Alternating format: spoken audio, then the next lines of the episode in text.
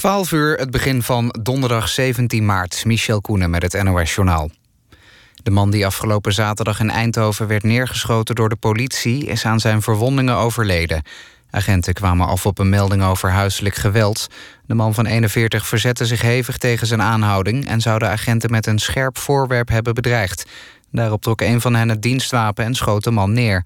Hij lag met schoten in zijn lever en longen in het ziekenhuis... waar hij nu dus is overleden. De Republikeinen in de Amerikaanse Senaat hebben geen behoefte aan een kennismakingsgesprek met Merrick Garland.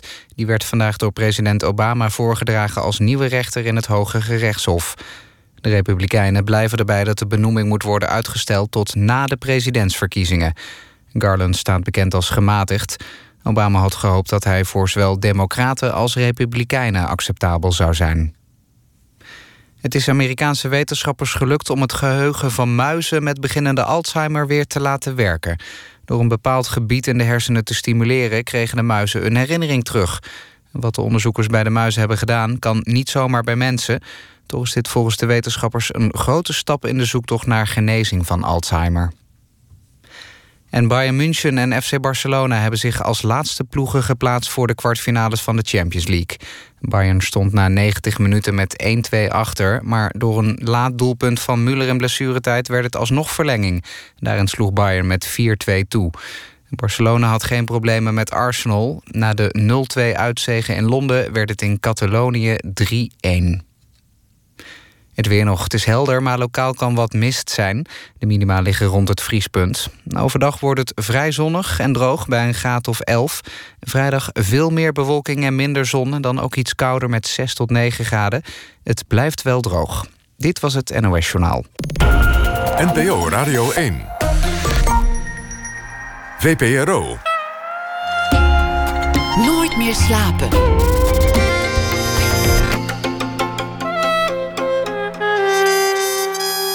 Met Pieter van der Wielen. Goedenacht en welkom bij Nooit meer slapen. Straks na één uur een gesprek met Volker de Jong. Volgens de New York Times een van de belangrijkste nog levende Nederlandse kunstenaars. En dat nog levende, dat is belangrijk, want hij vertelt over drie werken die hij mocht maken voor kunstbeurs TEFAF waar weinig levende kunstenaars aan de muur hangen. Althans, weinig werken van levende kunstenaars. Ook aandacht voor het festival South by Southwest, waar de films, games en muziek die de komende tijd gaan maken worden vertoond aan het publiek. Dat is in Austin, Texas, waar we beginnen met Henk Wildschut. Nederland is dit jaar voorzitter van de EU en op de muren van de plek waar uh, wordt vergaderd door de leiders bij het Scheepvaartmuseum in Amsterdam hangen vanaf vrijdag de foto's van Henk Wildschut op de muren aan de wand. Foto's die hij heeft gemaakt van de jungle van Calais, een reusachtig geïmproviseerd kamp waar vluchtelingen verblijven. Onlangs werd het ontruimd volgens de berichten, maar nog altijd schijnen er zo'n 2000 mensen te bivakeren. Op de foto's zien we tenten, modder, prikkeldraad en kou, maar ook dingen die je juist niet zou verwachten, die niet passen bij het beeld. Tuintjes, vrolijkheid en eigenlijk een stad in wording. Henk Wildschut is fotograaf, werd geboren in 1967, komt al sinds 2001 in die uh, buurt in Calais. Hij maakte ook fotoboeken en tentoonstellingen over andere onderwerpen. Het asbestschip de Sandrine in de haven van Amsterdam, over de brandweer en over voedsel. Welkom, Henk Wildschut. Dankjewel. Dat, dat is de, de muur waar straks vergaderd wordt. Er is al een mhm. paar keer vergaderd. Daar komen dan alle belangrijke mensen die de grote beslissingen nemen aan. Die zien dan op een reusachtig formaat jouw foto's aan de muur. Wat hoop je dat blijft hangen? Welk, welk beeld moeten zij krijgen van die vluchtelingen?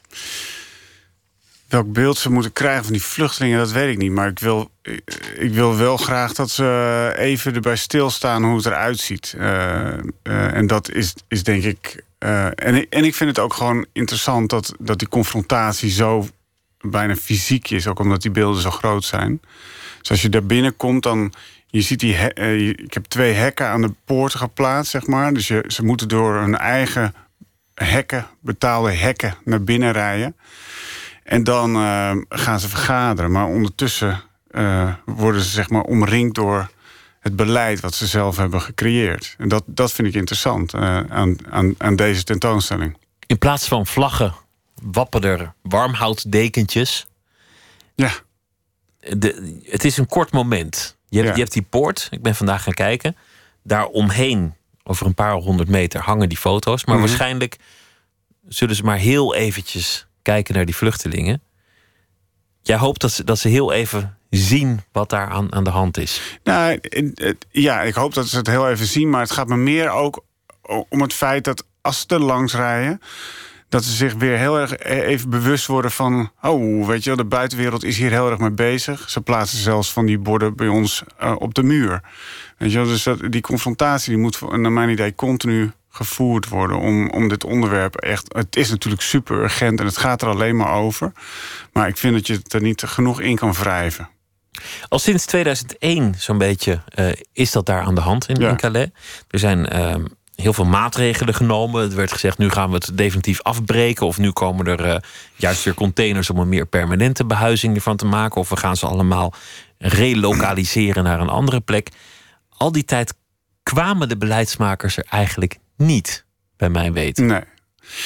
Nee, ik, eh, de eerste keer dat ik, dat ik in Calais kwam was in 2001. En toen, was er, eh, eh, toen, toen ging het eigenlijk over Sangat, zo heette dat. Dat was een klein dorpje, of bijna een gehucht, buiten, de, buiten Calais. En da, dat was zeg maar de toegangspoort tot de tunnel. En de tunnel was toen, werd toen bij wijze, van spreken afgeschermd door Heras hek, hekwerk. één hekje en eh, daar kon je onderdoor kruipen en dan was je bij de trein. En in die tijd, in 2001, eh, werd, de tunnel al bestormd door, door drie, vierhonderd man tegelijk. En, die, en dat waren ook gewoon eh, eh, vluchtelingen uit Kosovo en ook al uit Afghanistan. Want daar was toen ook al de oorlog aan de gang. En, ehm, dus eh dit is altijd een plek geweest eh, waar mensen naartoe gaan op het moment dat ze naar Engeland willen. Want dat is de droom. Ze willen naar Engeland. Ja.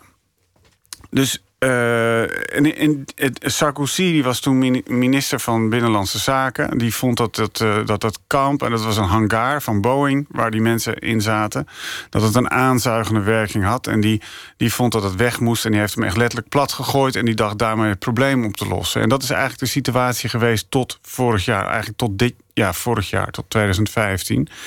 Dat de Franse overheid dacht van als we maar net doen alsof het niet bestaat, bestaat het niet. Maar het bestond. En dat, eh, en, eh, dus er waren altijd kampjes in de, in de buurt van Calais. En soms groot, soms minder groot.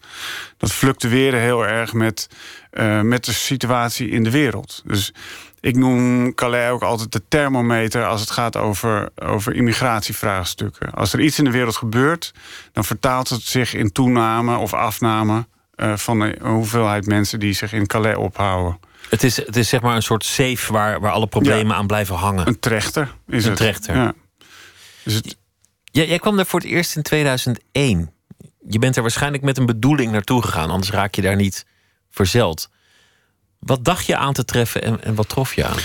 nou, in 2000 2001 was ik eigenlijk op zoek naar een nieuw onderwerp. Ik had toen net dat wat je net vertelde over dat asbestschip in de haven van Amsterdam eh, eh, afgerond. En dat, eh, dat was een verhaal over, over een schip wat aan de ketting was gelegd door minister Pronk op dat moment. En Greenpeace zat daar ook achter. En die, die wouden niet dat er een asbestschip geëxporteerd zou worden naar de, naar de sloop in, in India.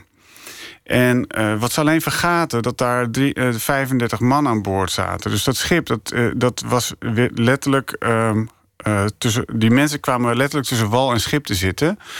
Tussen een overheid en, en, en, en hun realiteit. Die bemanning die moest daar blijven op Ja. die asbestboot tot er een beslissing was genomen. Ja, want die, de, de, eh, de eigenaar wou heel graag dat dat schip ehm, ehm, eh, wel weer naar India zou varen. En van Pronk mocht het niet. En ja, dus die bemanning moest dat schip draaiende houden. En op een gegeven moment.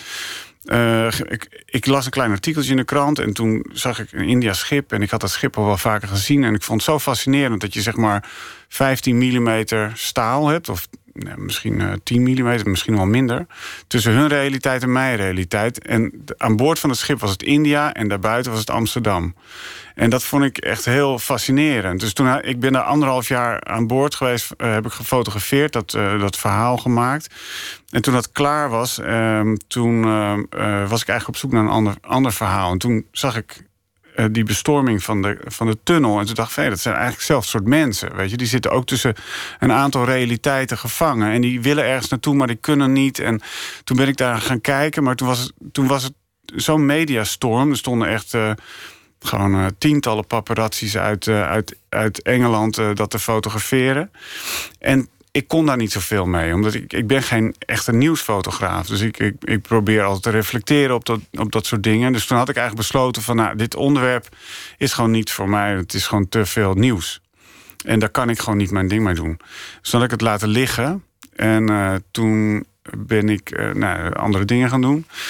En toen kwam het eigenlijk weer op mijn pad in 2005. En toen ben ik weer uh, voor het eerst naar Calais gegaan. En, en toen trof ik die bossen vol met tentjes en hutjes aan.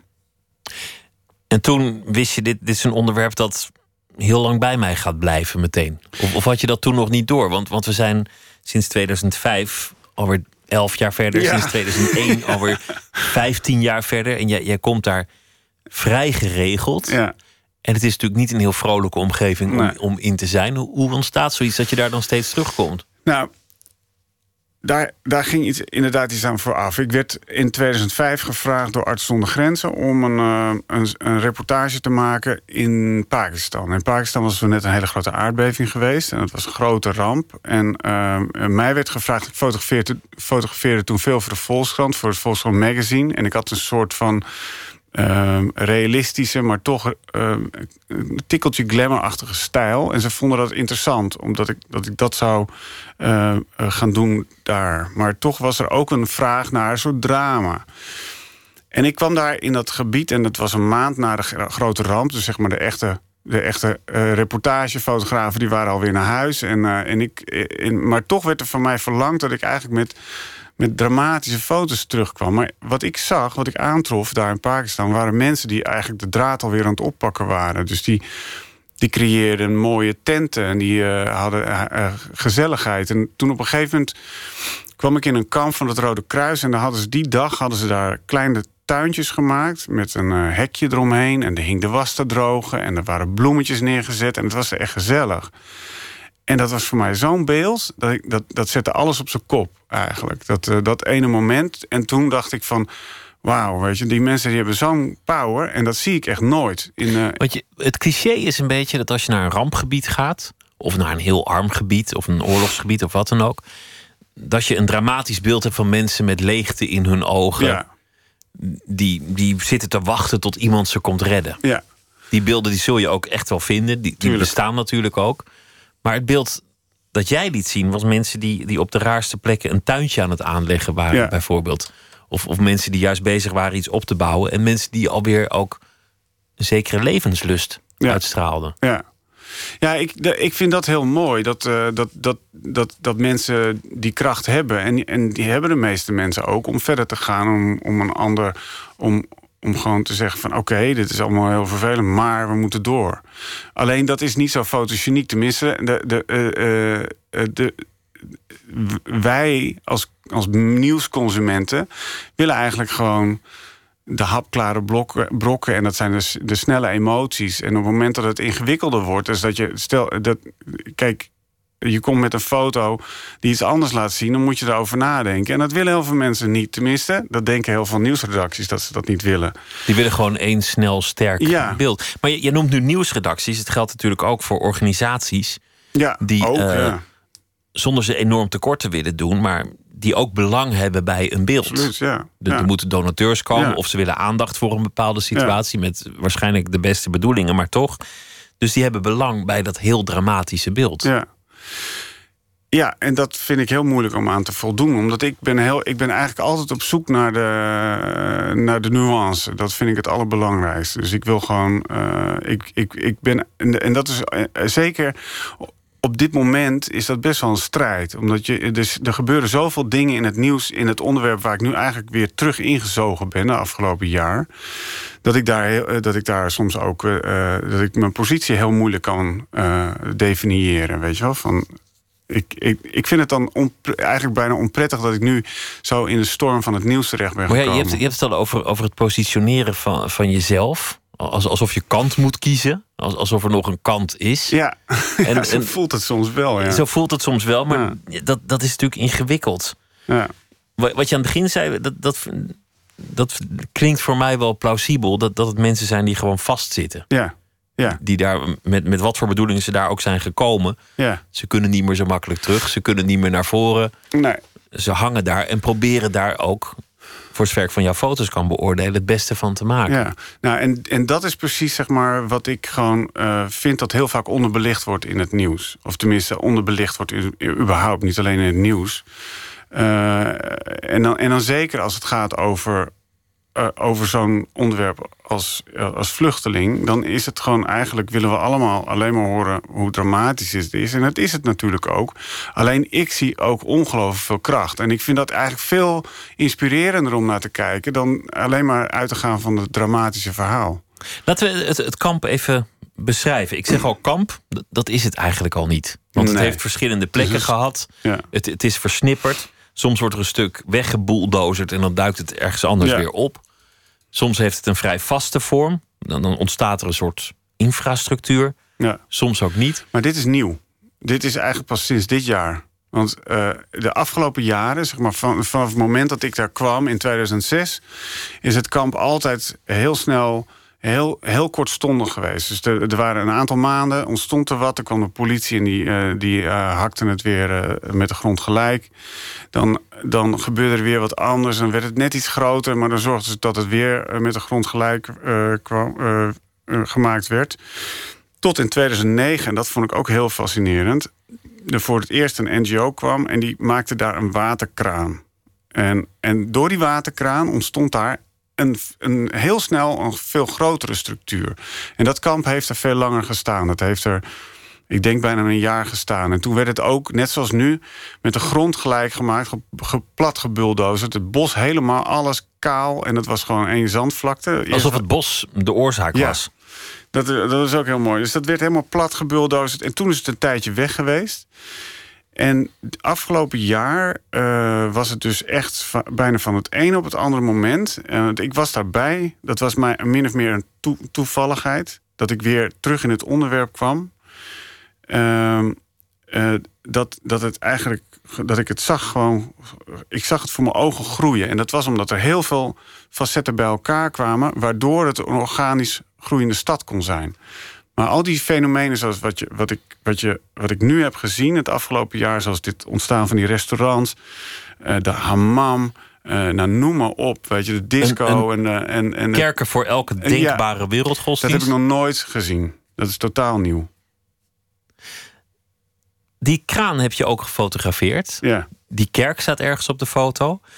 Zo krijg je nog een aantal beelden. Vrij weinig zie je eigenlijk de, de mensen zelf. mhm. En, en dat op zich is al interessant. De mens is van oorsprong, heb ik me laten vertellen, een nomadische diersoort. Mhm. En hier zie je hoe dat een beetje gaat. Je, je, je strijkt ergens neer. Je komt niet verder. En dan bouwt daar langzaam aan een gemeenschap. Of de autoriteiten dat nou willen of niet. ja mooi hè? Ergens heeft dat iets heel moois. Ja. Omdat, het- omdat het heel menselijk is kennelijk om meteen iets te maken. Ja. Dat ze ook aan het tuinieren zijn, wa- wat je al eerder in, in Pakistan beschreef, vond ik ook wonderlijk. Dat je in die positie plantjes en, en groenten gaat Ja. kweken. Ja, dat, ik, eh, ik, heb dat, ik heb dat een paar keer in vluchtelingenkampen eh, aangetroffen. De eerste keer was het in, eh, in Tunesië. En ik, ik had toen dat- shelterproject afgerond. Er was een boek van gekomen. En ik was eigenlijk alleen nog maar in Europa bezig geweest... met die kleine geïmproviseerde kampjes. Soms uit een paar tenten, soms uit wat meer. En toen dacht ik van, ik wil gewoon een keer naar een echt UNHCR... officieel vluchtelingenkamp, om ook te zien hoe dat gerund wordt. Dus ik ging naar Tunesië en eh, ik kom daar aan. Ik werd door de persvoorlichter rondgeleid. Tenminste, dat wou die gaan doen. En binnen vijf minuten zag ik die tent, die tuinen. En ik zei van, nou, sorry, ik hoef echt niet meer verder. Want ik wil hier even gewoon rustig bij stilstaan en dit fotograferen. En die man die, keek zo wat bedoel je? En ik zei, kijk die tuinen daar. En hij, keek, hij zei, nou, ik loop hier al drie maanden rond, heb ik nog nooit gezien. Dus die werd volledig aan voorbij gegaan. Maar het was gewoon een groep Soedanezen. En die, eh, die hadden, een, die hadden een, een, tent neergezet en die maken dat gezellig. En later ben ik dat nog een paar keer tegengekomen. En toen op een gegeven moment werd ik benaderd door een professor, Kenneth Helphand uit eh, Amerika. En die had mijn werk gezien op internet en is er nou echt geweldig. En eh, ik ben hier al 15 jaar mee bezig, heeft er een hele studie van gemaakt. En dit fenomeen, dat blijkt al, gewoon, ja, het, gewoon, dit blijkt al beschreven te zijn in de Eerste Wereldoorlog, in de loopgraven. Dat soldaten eh, kleine tuintjes maakten in de loopgraven. En dat ze daar eh, groenten verbouwden of bloemen of dat soort dingen. Puur omdat ze gewoon, omdat ze gewoon iets positiefs wilden zien. Een perspectief, maakt niet uit wat. Ja, ja iets, iets zien groeien, maar ook iets zelf kunnen creëren. Dus het gaat weer over die waardigheid. Dus zorgen dat je je eigen waardigheid in stand houdt en iets, iets maakt, iets moois maakt. En dit is, dit is dus een fenomeen. Wat, gewoon, wat, je dus ook, wat ik nu ook het afgelopen jaar in extreme mate heb gezien. Dat mensen gewoon heel snel proberen gewoon een stempel te drukken. Iets te creëren en te zorgen van ik ga hier niet bij de pakken neerzitten. Maar ik maak een bakkerij. Maar waardigheid is moeilijk te bewaren in zo'n situatie. Ja, maar Als je- toch zijn mensen er heel goed in. Hoe doen ze dat? Want een tuintje, dat is, dat is misschien iets om je bezig te houden. En dan kan je trots zijn op, op wat je daar ook eh, aan het wieden bent. Nou ja, heel simpel is het gewoon jezelf zo goed mogelijk proberen te verzorgen. Weet je? Dus dat, eh, dat je er eh, gewoon gewassen bij loopt. En zeg maar de hammam, eh, wat daar ook in Calais was, die, die, dat heb ik ook nog nooit eerder gezien. Die werd ontzettend druk bezocht. Dus mannen die lieten zich echt, echt, echt ongelooflijk glad scheren. En weet je, de haren werden netjes geknipt. Ik, heb, ik bedoel, ik geen, het is niet zo dat iedereen dit doet, weet je wel. Maar dit is eigenlijk iets waar ik mij op focus. Weet je, wel. dit vind ik, ik vind het interessant. Er gebeurde natuurlijk rondom dat kamp. Want op een gegeven moment zaten er 6000 mensen. Zijn er ook heel veel mensen die dat niet kunnen. En die dat ook, die, of die het gewoon, die er ook niet eens geld voor hebben om naar de hammam te gaan daar in dat kamp. Want die moesten wel voor betalen. Maar ja, mijn blik gaat dan toch naar dat soort mensen toe. Die daarmee bezig zijn. Wat was het beeld dat ze hadden toen ze naar Calais kwamen? Ze wilden naar Engeland. Mhm. Maar dat, dat klinkt als een niet heel goed doordacht plan. Ik wil naar Engeland, want daar zal dan iets zijn of iemand op mij, op mij wachten. Wat was het beeld dat ze daarvan hadden? Ehm, nou, kijk, iedereen heeft zijn eigen reden waarom die per se naar Engeland wil. En, dat, en die is, zijn ongelooflijk divers. Weet je, er zijn mensen die gewoon ehm, familie hebben, mensen die gewoon we- denken dat je daar gewoon makkelijker eh, zwart kan werken. En dat is ook zo. Ehm, en mensen die denken dat daar goud uit de kraan komt als je hem open doet. En dat je een huis krijgt en dat soort dingen. Eh, En dit zijn mensen uit heel veel verschillende landen met Ja. heel veel verschillende achtergronden. Sommigen misschien wel echte vluchtelingen, anderen misschien wat je zou noemen gelukszoekers, anderen ja, ik, iets ik tussenin. maak daar geen enkel onderscheid in. Ik vind dat totaal oninteressant. Omdat mensen hebben een droom. En wat het dan ook is, wat de oorzaak ook is, weet je, die willen, die willen dat, dat doel bereiken. Dat, Maar je hoort waarschijnlijk wel verhalen waar ze vandaan komen. Ja, ja, ja, ja.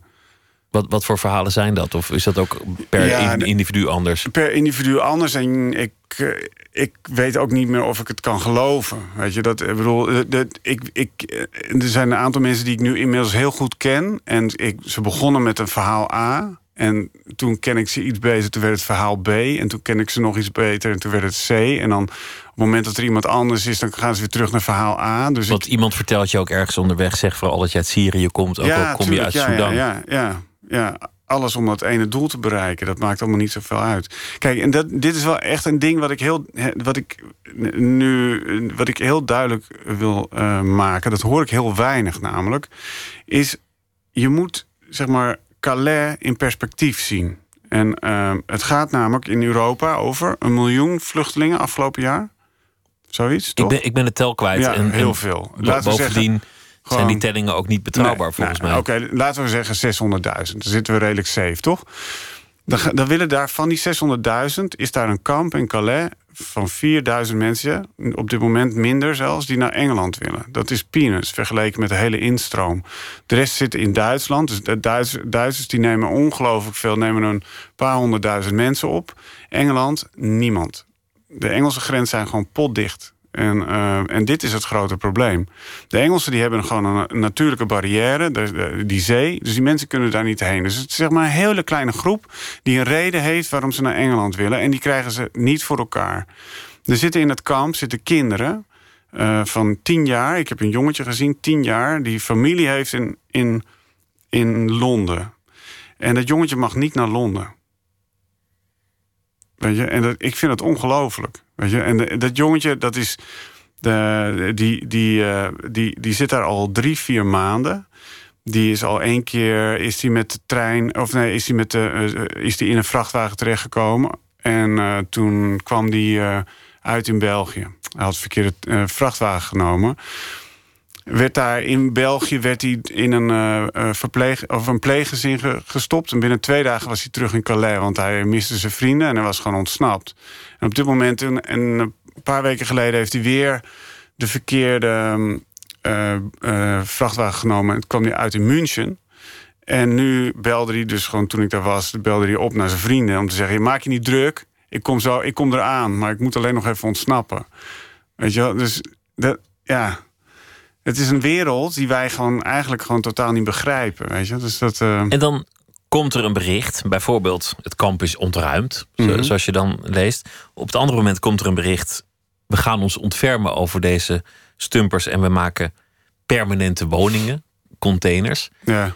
Het moment dat je dat doet, dan neem je eigenlijk ook een klein beetje de droom af. Want dat is een bevestiging van het feit dat Engeland niet gelukt is. Als je iemand een permanent huis biedt. Ja, nee, want het permanente huis is het niet. Het is een container, het is een tijdelijke oplossing. En, uh, en uh, uh, heel mooie uitspraak die ik heb gehoord uh, was van... Kijk, zolang de boten varen en de treinen rijden... is er een mogelijkheid dat wij in Engeland komen. Pas, ze zeggen van we geloven pas dat we er niet meer komen als ze stoppen met rijden en stoppen met varen. Zo, ver gaat dat, weet je wel. En, en dus, ja, die droom neem je ze niet zo snel af. Die, die blijft? Die blijft. Alleen voor de echte volhouders. Hè. Dus ik zie ook heel veel mensen komen. En die komen in het kamp, die kijken even rond en die smeren hem gelijk weer. Die hebben zoiets van no way dat ik hier naartoe ga.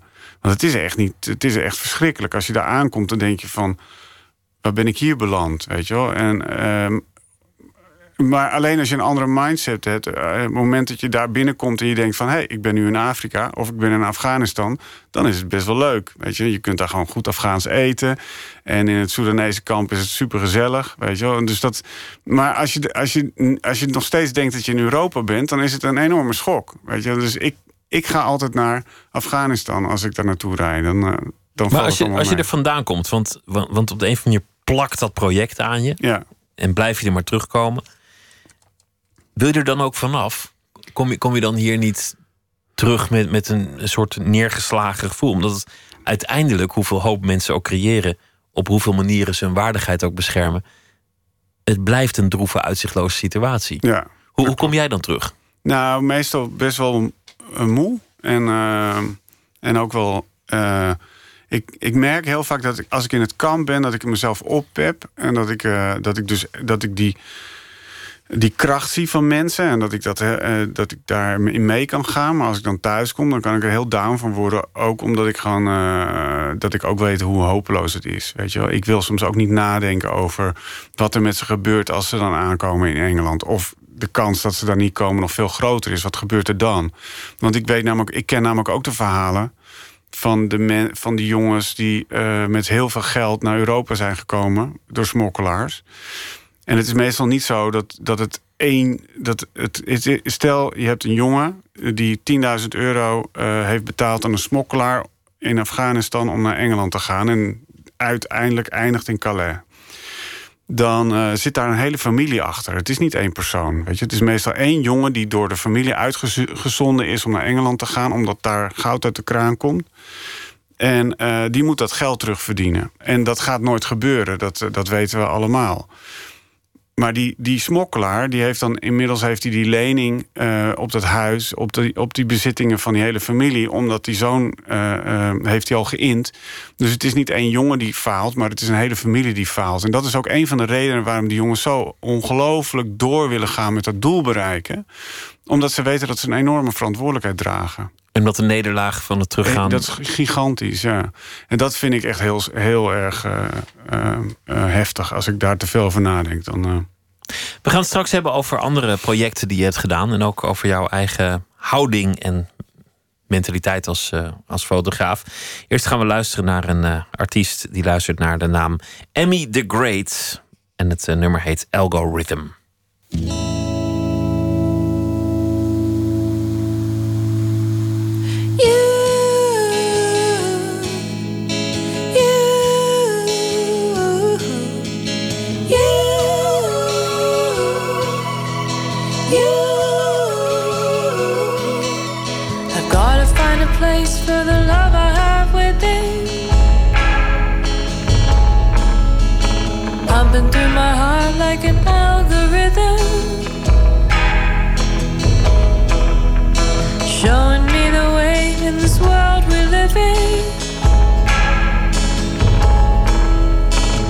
Pumping through my heart, it's an algorithm.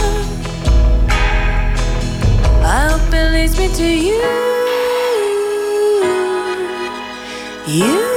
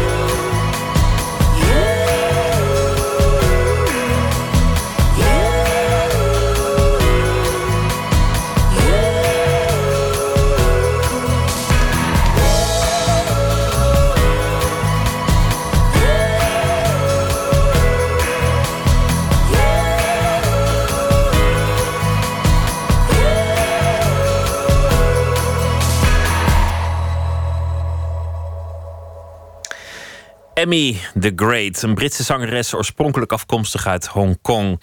Ze heet Lee Moss en het uh, nummer heet Elgo Rhythm. Henk Wildschut zit tegenover mij. Hij is uh, fotograaf. Een tentoonstelling zal uh, in april plaatsvinden in Foam, Fotomuseum in Amsterdam. Tot die tijd kun je foto's van hem zien in Amsterdam. Aan de, de muren van de plek waar de voorzitters het EU-voorzitterschap zal vergaderen. De belangrijke mensen die de beslissingen nemen. We hebben het gehad over uh, de foto's en over het, het beeld dat jij laat zien van Calais. Mhm. Een van de vele plekken waar mensen vast zijn komen te zitten in het systeem. Ik wil even helemaal terug naar, naar het begin, want jouw plan was niet altijd om fotograaf te worden. Je, aanvankelijk wilde je, geloof ik, psychiatrisch verpleegkundige. Dat ben ik geweest, ja. ja. Dat is, dat is toch iets heel anders dan, dan een fotograaf. Ja, dat klopt. Hoe, wat, wat was het moment dat je dacht: weg met de psychiatrie, op naar de fotografie? Nou, dat was de, de, de, psychiatrie. Ik vond, ik vond verpleegkundig. Uh, het vak van verpleging is een heel mooi vak. En, uh, en ik ben altijd super geïnteresseerd geweest in mensen. Maar ik geloof dat. Uh, ik had echt heel erg het gevoel van. Ik kan hier mijn ei niet in kwijt. Ik kan het verhaal niet vertellen. En ik vond het ook best wel moeilijk om, uh, om te oordelen over mensen. Dat moet je toch doen als, als verpleegkundige. Zeker in de psychiatrie. Dus je hebt... jij, jij, mag los of jij moet in de isoleren. Ja, of, dat soort dingen. Ja, dat vond ik best wel ingewikkeld. Jij bent gek of. of, ja. uh, of nou ja, dat woord ze niet snel gebruiken. Maar enfin. Nee, maar dat, dat, daar, daar liep ik wel tegenaan. En, ehm, en de fotografie speelde eigenlijk altijd een rol. eh, alleen voelde ik me daar toch te onzeker om dat, om dat ook echt te gaan oppakken. Ik had altijd zoiets van, het een fijne hobby. Maar het verhalen vertellen, dat, eh, dat, dat, ja, dat vond ik gewoon heel, eh, heel fijn. En toen heb ik op een gegeven moment mezelf twee jaar de tijd gegeven... om, om fotograaf te worden. En dat lukte eigenlijk niet. Dus toen ben ik naar de kunstacademie gegaan. En, en zo is het eigenlijk gewoon verder gerold. Maar en ik, heb in al die tijd, ik heb mijn hele kunstacademische eh, tijd heb ik, eh, eh, heb ik gewerkt in de psychiatrie. Dus ik, ik werkte gewoon in het Willem Arnshuis in, in Utrecht. En dat vond ik eigenlijk een hele fijne combinatie. Omdat je gewoon, je blijft gewoon wel in een soort realiteit zitten die ook weer een beetje raar is. Het is ook weer zo'n tussenwereld, weet je wel, waar, ik, waar mijn werk eigenlijk altijd over gaat. Ik noem dat dan eh, eh, eh, secundaire maatschappelijke wereld. En dan later werd het voor mij, ging het meer naar de grote verhalen als urgente problemen. Maar mensen die vastzitten tussen twee werelden in, tussen twee Ja. subcontinenten in. Dus mensen op een boot met asbest die niet mag uitvaren, maar ook niet mag aanmeren. En je zou maar matroos zijn op dat schip. Ja, Of een asielzoeker die vastzit in een geïmproviseerd kamp dat Ja. er eigenlijk niet mag zijn. Je kan niet terug, je kan niet vooruit en je mag ook niet in het kamp zijn. Mhm. Daar, daar, daar zit je dan. De psychiatrie heeft dat ook natuurlijk vaak. Ja. Je, je, je hoort er niet, je hoort er wel. Je kunt niet vrij, maar je, je wil ook niet blijven. ja. Zit, zit ook vast. Bij jou zit er ook vaak idealisme in, in, je, in je werk op de een of andere manier. ja. Maar die probeer, dat probeer ik zo min mogelijk te laten zien. Je wil er vanaf van dat Nee, helemaal niet. Nee, maar ik wil het er niet. Ik, wil, ik, ik, ik, ik ben daar. Ik ben idealistisch. En, eh, maar in mijn werk wil ik eh, niet activistisch zijn. Dus eh, het moet er niet te veel op liggen. Maar dat klopt ook weer niet helemaal. Want ik, ik, ben, ik heb toch altijd wel een vrij sterke mening. Maar ik wil heel graag dat mijn werk een soort van grijze. Een grijs gebied laat zien. Nou ja, je hebt een heel genuanceerde mening als ik je net zo beluister. ja, Dus activistisch nuance- zul je nooit, nooit worden. Nee, maar ik heb die, dat activisme heb ik wel nodig. Om te beginnen. Om te beginnen, ja. Dus het is eigenlijk altijd het vertrekpunt. En vanuit dat vertrekpunt eh, ga ik mezelf dan weer tot de orde roepen. Dat is het eigenlijk meer. Dus je daagt je eigen verontwaardiging uit. Ja. Nou, ik, ik, ik bevraag mijn eigen verontwaardiging. Klopt dat wel? Weet je wel, wa- wat ik denk. En is het ook echt wel zo? En, eh, ehm, dus ik, heb, ik, heb, ik probeer een genuanceerde mening te hebben. Daarom huil ik ook niet mee met, eh, met mensen die, die het alle, allemaal verschrikkelijk vinden wat er in Calais gebeurt. En ik, ik denk soms ook van, ja jongens, jullie kiezen er zelf voor om hier te zijn. Je hoeft, je hoeft niet naar Engeland. Dan nog kan je zeggen, ze zijn slecht voorgelicht. Kan ook, ja. Maar inmiddels zouden ze het beter kunnen weten. Kunnen ze alsnog as- asiel aanvragen. Weet je, dat soort dingen. Die, die, die gedachten heb ik ook. En dat zeg ik ook soms tegen ze. Weet je, dan, eh, ja, dan kijken ze me aan. Zo van, ja. Maar ja, wat je mening ook is, het probleem zal er niet, niet heel veel minder van worden. We kunnen met z'n allen zeggen, ze moeten opdonderen, blijf gewoon lekker waar je bent. Je hebt hier niks te zoeken. En, en daar is ook best iets voor te zeggen. Maar dat wil niet zeggen dat je daarmee het probleem ook maar enigszins hebt opgelost. Omdat als je dat zegt. Ja, want ik heb niet het idee dat, dat, dat je daarmee die toestroom vermindert. Nee, zeker niet. Door, door heel hard te roepen dat ze moeten opdonderen. Ja, Nee, want ze blijven toch komen. En dat, zeg maar, ik, ik probeer, wat ik probeer eh, in mijn. Kijk, mijn idee, of tenminste, wat ik zie, en dat, dat, dat is het mooie aan mijn werk ook. En dat, heeft, dat begint al met zo'n schip aan de ketting. Dat daar zaten namelijk ook jongens op die eh, heel veel geld hadden betaald. Dat is eigenlijk een hele mooie vergelijking, bedenk me nou opeens. Die jongens hadden 5000 euro betaald aan een eigenaar van een schip om een opleiding te krijgen op dat schip. Die eigenaar die wist toen al dat het schip aan de ketting lag in Amsterdam. Dus die had ze, zeg maar, van, van Bombay had hij ze daarheen gevlogen. En, ehm, en, ehm, eh, en die jongens die kwamen daar aan boord en kregen nooit een opleiding, waren dat geld kwijt. Dus die waren desperate. Die hadden ouders die hadden leningen afgesloten. Ehm, ik ben. Ik- dus die durfde ook, ook ja, die, die konden eigenlijk ook niet terug naar, naar de familie. Al, al Nee, was nee, die maar mogelijkheid dus- er geweest. Maar, maar, dat, die, zeg maar dat soort verhalen, die. ehm, eh, ja, ik, ik ben het heel even kwijt. Ik had, een- er was een bruggetje en soms, dat heb ik soms dat ik dan van de ene helemaal terug ga. Maar waar, weet jij nog waar ik begon of niet? Nou ja, waar het volgens mij op neerkomt, is, is dat die mensen, om, om wat voor motieven dan ook, vast zijn komen te zitten. En dat het dan eigenlijk niet zoveel meer te maken heeft met of, of je schuld hebt of niet, maar dat je gewoon in, in een fuik bent gelopen. Nee, precies. Dat, dat was het, ja. Dus het, het- dan, de, weet je, ik vind dat dan... eh, die mensen zitten tussen, tussen wal en schip. En dan kun je wel zeggen van... eh, eh, jullie, moeten, eh, eh, jullie moeten weg. Maar het, waar het om gaat... eh, eh, en nu weet ik weer precies waar, wat ik wil gaan zeggen.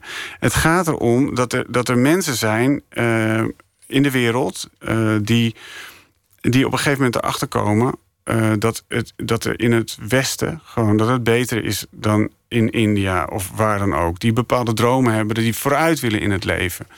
En eh, dat zie, dat, ik, ik heb dat in de afgelopen eh, jaren al zien aankomen. En dat brengt mijn werk met, met zich mee. Dat je gewoon steeds in wereldjes kijkt. Steeds een beetje slimmer wordt over wat er aan de hand is. Steeds genuanceerder wordt. Waardoor die uitspraken van mij, jullie moeten allemaal oprotten. Die zijn er niet meer. Omdat ik gewoon weet dat het onzin is.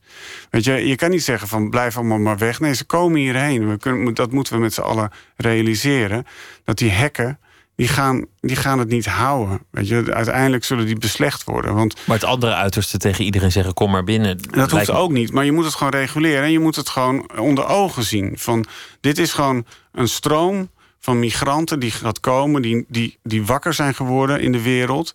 Die, eh, eerst eh, hebben we de hele wereld eh, in de soep laten lopen... met alle oorlogen om ons heen. En nu zouden we opeens denken van... nou, die oorlogen, jongens, daar hebben we allemaal niks mee te maken. Dat die mensen het daar heel slecht hebben. Zoeken het allemaal lekker uit, want wij hebben ons goede Europa... waar alles goed geregeld is. Ze, zij- in, in Afghanistan, in Syrië en, en al die landen die een puinhoop zijn, zijn, zijn. Alle mensen hebben genoeg van de onstabiliteit, van de onzekerheid. Van, en die denken van. Die zien op internet, hey, het gaat allemaal hartstikke goed in Europa en wij willen daar een deel van uitmaken. En dat Ze je het niet meer gezien. tegen. Ze zien die plaatjes van, van de, de geplaveide wegen en de aangepoetste stoepjes. Ja, maar dat, ik denk dat dat, dat, is een, dat, is een, dat is een beweging die niet meer te stoppen is. Ik wil nog een ander project dat je hebt gedaan eh, bespreken, omdat het ook iets zegt over jouw manier van werken. Dat ging over voedsel. Ja, Voedsel is ook een onderwerp waar je gemakkelijk verontwaardigd over kunt zijn. Alle rotzooi die, die erin zit, of, of over dierenleed. Of, of nou ja, je, je kent al die, al die meningen wel. Jij ging een fotoserie maken over ons voedsel. Waar komt het eigenlijk vandaan? Wie maakt dat? Wat was je eerste gedachte? Begon het ook vanuit idealisme of verontwaardiging? Ja. ja, dat was eigenlijk ook zo'n impulsieve reactie. Ik, ik was toen net klaar, dacht ik, met Shelter. Ehm, en dat was heel genuanceerd. Eh, ehm, en toen dacht ik van, nou, toen kreeg ik van het Rijksmuseum kreeg ik de opdracht om met voedsel bezig te gaan houden. Dat was eigenlijk een soort van gewoon eh, eh, eh, een, schok voor mij. Want ik kwam dus net uit het onderwerp en opeens voedsel. Ik dacht van, moet ik daar nou mee? Ik, en, maar toen dacht ik, oké, als ik dan ga doen... dan wil ik eindelijk eens een keer laten zien... hoe verdorven en slecht die industrie eigenlijk wel niet is. Dus toen ging ik eerst denken van... nou, ik ga nu echt zo'n activistische serie maken. Genoeg met dat genuanceer. Maar ja, toen ging ik me daarin verdiepen. En toen vond ik het steeds interessanter worden. En toen dacht ik van, nou, klopt het eigenlijk wel? Eh, en, en toen vond ik het eigenlijk... ehm, in eerste instantie begon het echt zo dat ik dacht van... nou, oké, ik geloof dat het nog steeds klopt. Maar ik vind het zeg maar, verhaal technisch interessanter... om de andere kant te gaan belichten. Dus gewoon eigenlijk heel erg te overdrijven dat het heel goed is. Maar toen ik daar echt eh, op die manier naar ging kijken... bleek het steeds meer dat er gewoon steeds meer kanten aan zaten... waarvan ik dacht van ja, volgens mij is het systeem... ehm, en niet zo makkelijk te vangen als ik, als ik dacht. Dus toen ben ik daar... ehm, heb ik geprobeerd met een hele open blik naar die industrie te kijken. Maar dan is jouw beroep interessant, want jij bent fotograaf uiteindelijk. Dus Ja. het gaat allemaal om dat moment dat je klikt en, en afdrukt en een beeld creëert. Dan kun je in de voedselindustrie makkelijk een beeld maken dat iemand zijn mening radicaal een kant op stuurt. Ja. Je, je kunt een, eh, een, een zielig kippetje in een veel te klein hokje fotograferen en, en de hele wereld zou roepen: schande. Mhm. Jouw beelden waren interessant omdat ze ten eerste nooit eenduidig waren, maar vaak ook omdat ze de twee kanten van dat beeld lieten zien. Ja. Bijvoorbeeld als je het hebt over de kip, dan heb je aan de ene kant die enorme stal met, met enorm veel kippen heel dicht op elkaar. Mhm. Tegelijk heb je ook een, een klinische, heel hygiënische, industriële situatie waar een kuikentje ontsnapt en wel over de, de, de grond loopt. Ja. Maar toch gaf jij niet het, beeld dat iemand makkelijk één kant op stuurt. Hoe doe je dat? Nou ja, daar, daar moet je goed over nadenken. Want dat, eh, ik, kom, ik kom wel eens in stallen lopen en dan denk ik van... ja, jongens, hier kan ik toch echt geen gewoon een goed beeld van maken. En dat is eigenlijk hetzelfde. Ja, dat klinkt stom, maar dat is hetzelfde zoals ik soms ook in die vluchtelingenkampen loop. Het is soms een puinhoop en het stinkt er en het is overal, overal stront. En Maar dat is ook de waarheid. dat is ook de waarheid, alleen is dat dan niet de waarheid die ik wil laten zien omdat ik denk van er zijn andere kanten. Want Dus- dat beeld kennen mensen nou wel. dat mensen kennen me. En dat, is, dat, geldt, dat gold ook voor, voor varkensstallen. Als ik dan denk van... eh, het gaat dan meer over het idee wat ik in mijn hoofd heb... wat ik wil vertellen... dan kijk ik natuurlijk ook heel gericht. En dat, doen, dat doet de andere kant, zeg de mensen die tegen een industrie zijn... die doet dat ook. Die kijken ook heel, heel selectief. Zo kijkt iedereen op een selectieve manier... En, en dat, ja, dus daar, probeer, daar ben ik dan heel erg naar op zoek. Van wat voor beeld wil ik dan laten zien? Dus voor dat voedselverhaal heb ik eigenlijk alleen maar gezocht naar de meest innovatieve, eh, vooruitstrevende bedrijven in Nederland. Dus dat was een een criterium. Eh, ik ging niet naar de oude kleine bedrijven, maar echt de meest de, de, de, topbedrijven die gewoon die naar de toekomst keken. En dit is een heel belangrijk, heel belangrijk ding, eh, zeg maar, waar ik, waar ik eigenlijk ook persoonlijk heel veel aan heb gehad in het onderzoek over voedsel.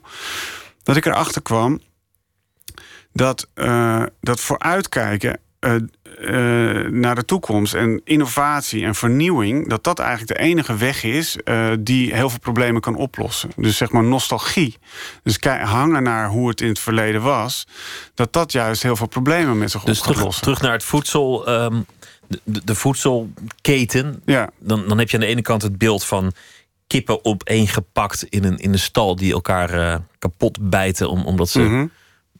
Te dicht op elkaar zitten en omdat ze gestrest zijn. Aan de andere kant zou je dan het beeld hebben van een koe in een groene wei die graast. Ja. Dan denken we heel erg in beelden en dan is het ene beeld aanlokkelijker dan het andere. Ja, maar en, en dat is dan ook weer heel erg interessant. Want ik heb dan.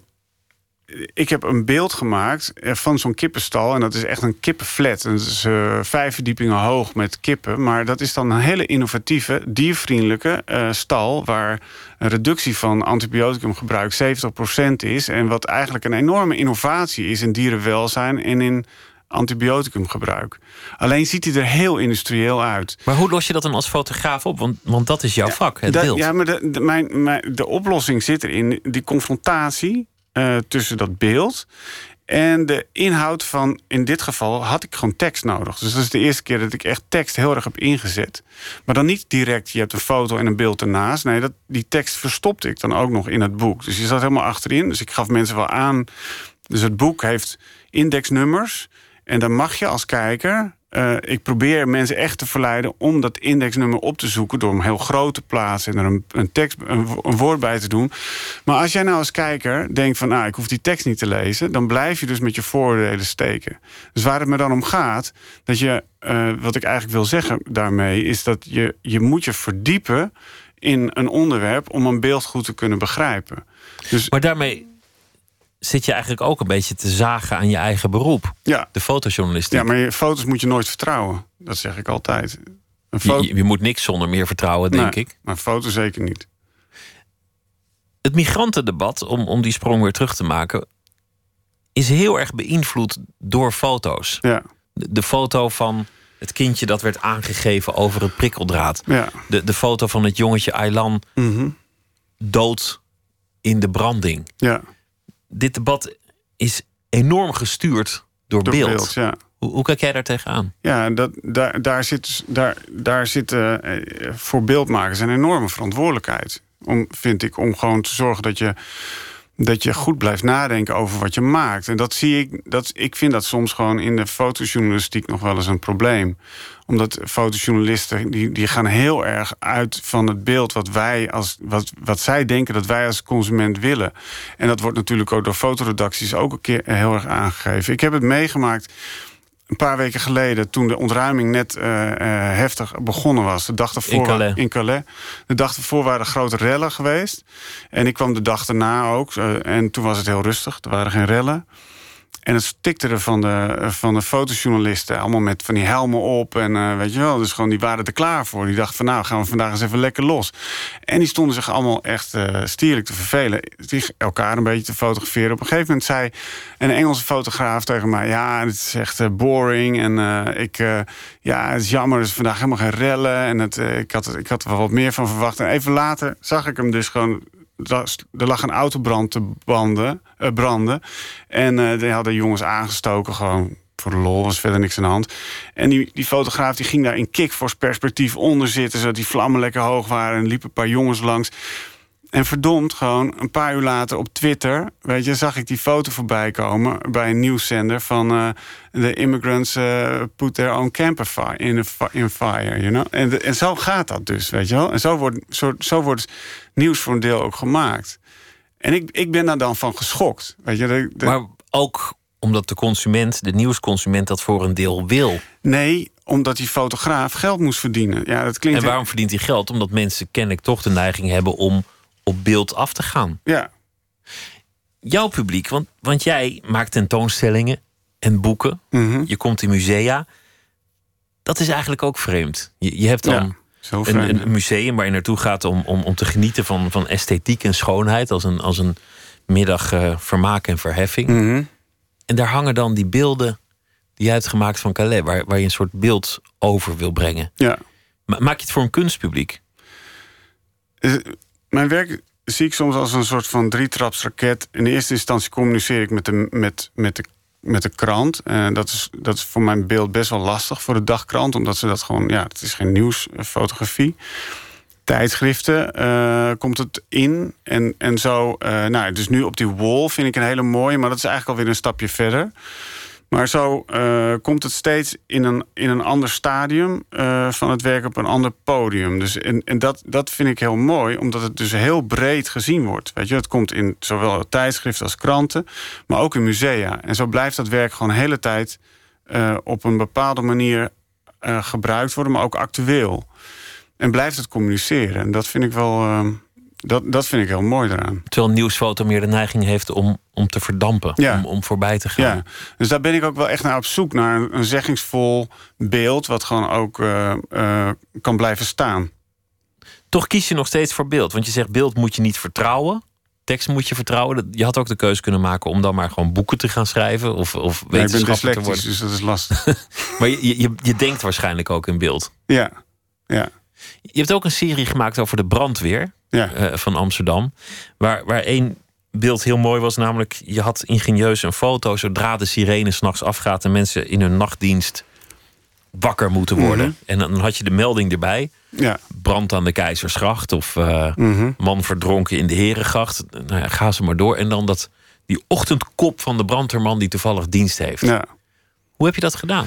Met een, eh, met een trigger. En die, die had ik aangesloten op het alarm. Dus zodra die dan eh, dat alarm afging... Dan, eh, en dat alarm... ja, er wordt eerst gezegd heel rustig, want dat doen ze expres. Hè. De, alarmcentrale die, eh, doet eerst het licht aan. automatisch. Dus het lampje gaat aan en dan zegt een heel rustige stem wat er aan de hand is. Het is niet zo dat er een geloeiende sirene afgaat. En dat doen ze speciaal voor hun hart. Want dat is gewoon heel slecht als je dus diep ligt te slapen. Dus dan ging dat lichtje aan en dan eh, gebeurde nog niks met mijn camera. Zodra je dan ging praten, dan ging mijn camera af. En Dus dan dan- zegt een rustige stem brand op de Herengracht. Herengracht of eh, een man, man te water op eh, daar en daar.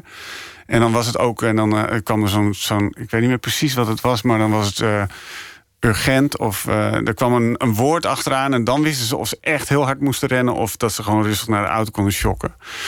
Maar ook dat onderwerp was dus dat, dat, dat was dat ene moment tussen. eh, eh, dat gaat dus ook weer over, die, over een moment van een rustige slaper, waar zeg maar ik me aan kan eh, ver- toe verhouden, tot de held. En dat ene moment tussen, die, tussen de, de slapende man en de held, weet je, dat, dat heb ik willen fotograferen. En dat was dus die kwetsbaarheid eigenlijk ook weer. Dus dat is eigenlijk een beetje hetzelfde ding als wat ik, wat ik ook zoek in, ehm, in een vluchtelingenkamp. Of, eh, Het gaat ook over, over menselijkheid. ja, Over, over dat iedereen uiteindelijk onder dat uniform of achter die façade van het vluchtelingenkamp ja, min of meer hetzelfde is of Ja. niet. Of, Ja. of ook zijn trots en zijn waardigheid heeft en zijn sukkeligheid en, en, en alles. Hoe verbonden blijf jij met, met, je, met je subjecten als, als je het hebt over, over Calais? Want je bent nu 15 jaar daar geweest. Je hebt mensen zien komen en gaan. Mhm. Ja. Je kent hun verhaal. Je zei net, ik zeg ook wel eens tegen ze: je, je had het nooit moeten doen. Je hebt het er zelf naar gemaakt. Je ziet hun verhalen veranderen. Dus ze komen uit andere landen naarmate je ze beter, je ze beter leert kennen. Mhm. Laat je dat ook op een zeker ogenblik los? Is het voor jouzelf ook een manier om je te verschuilen, die camera?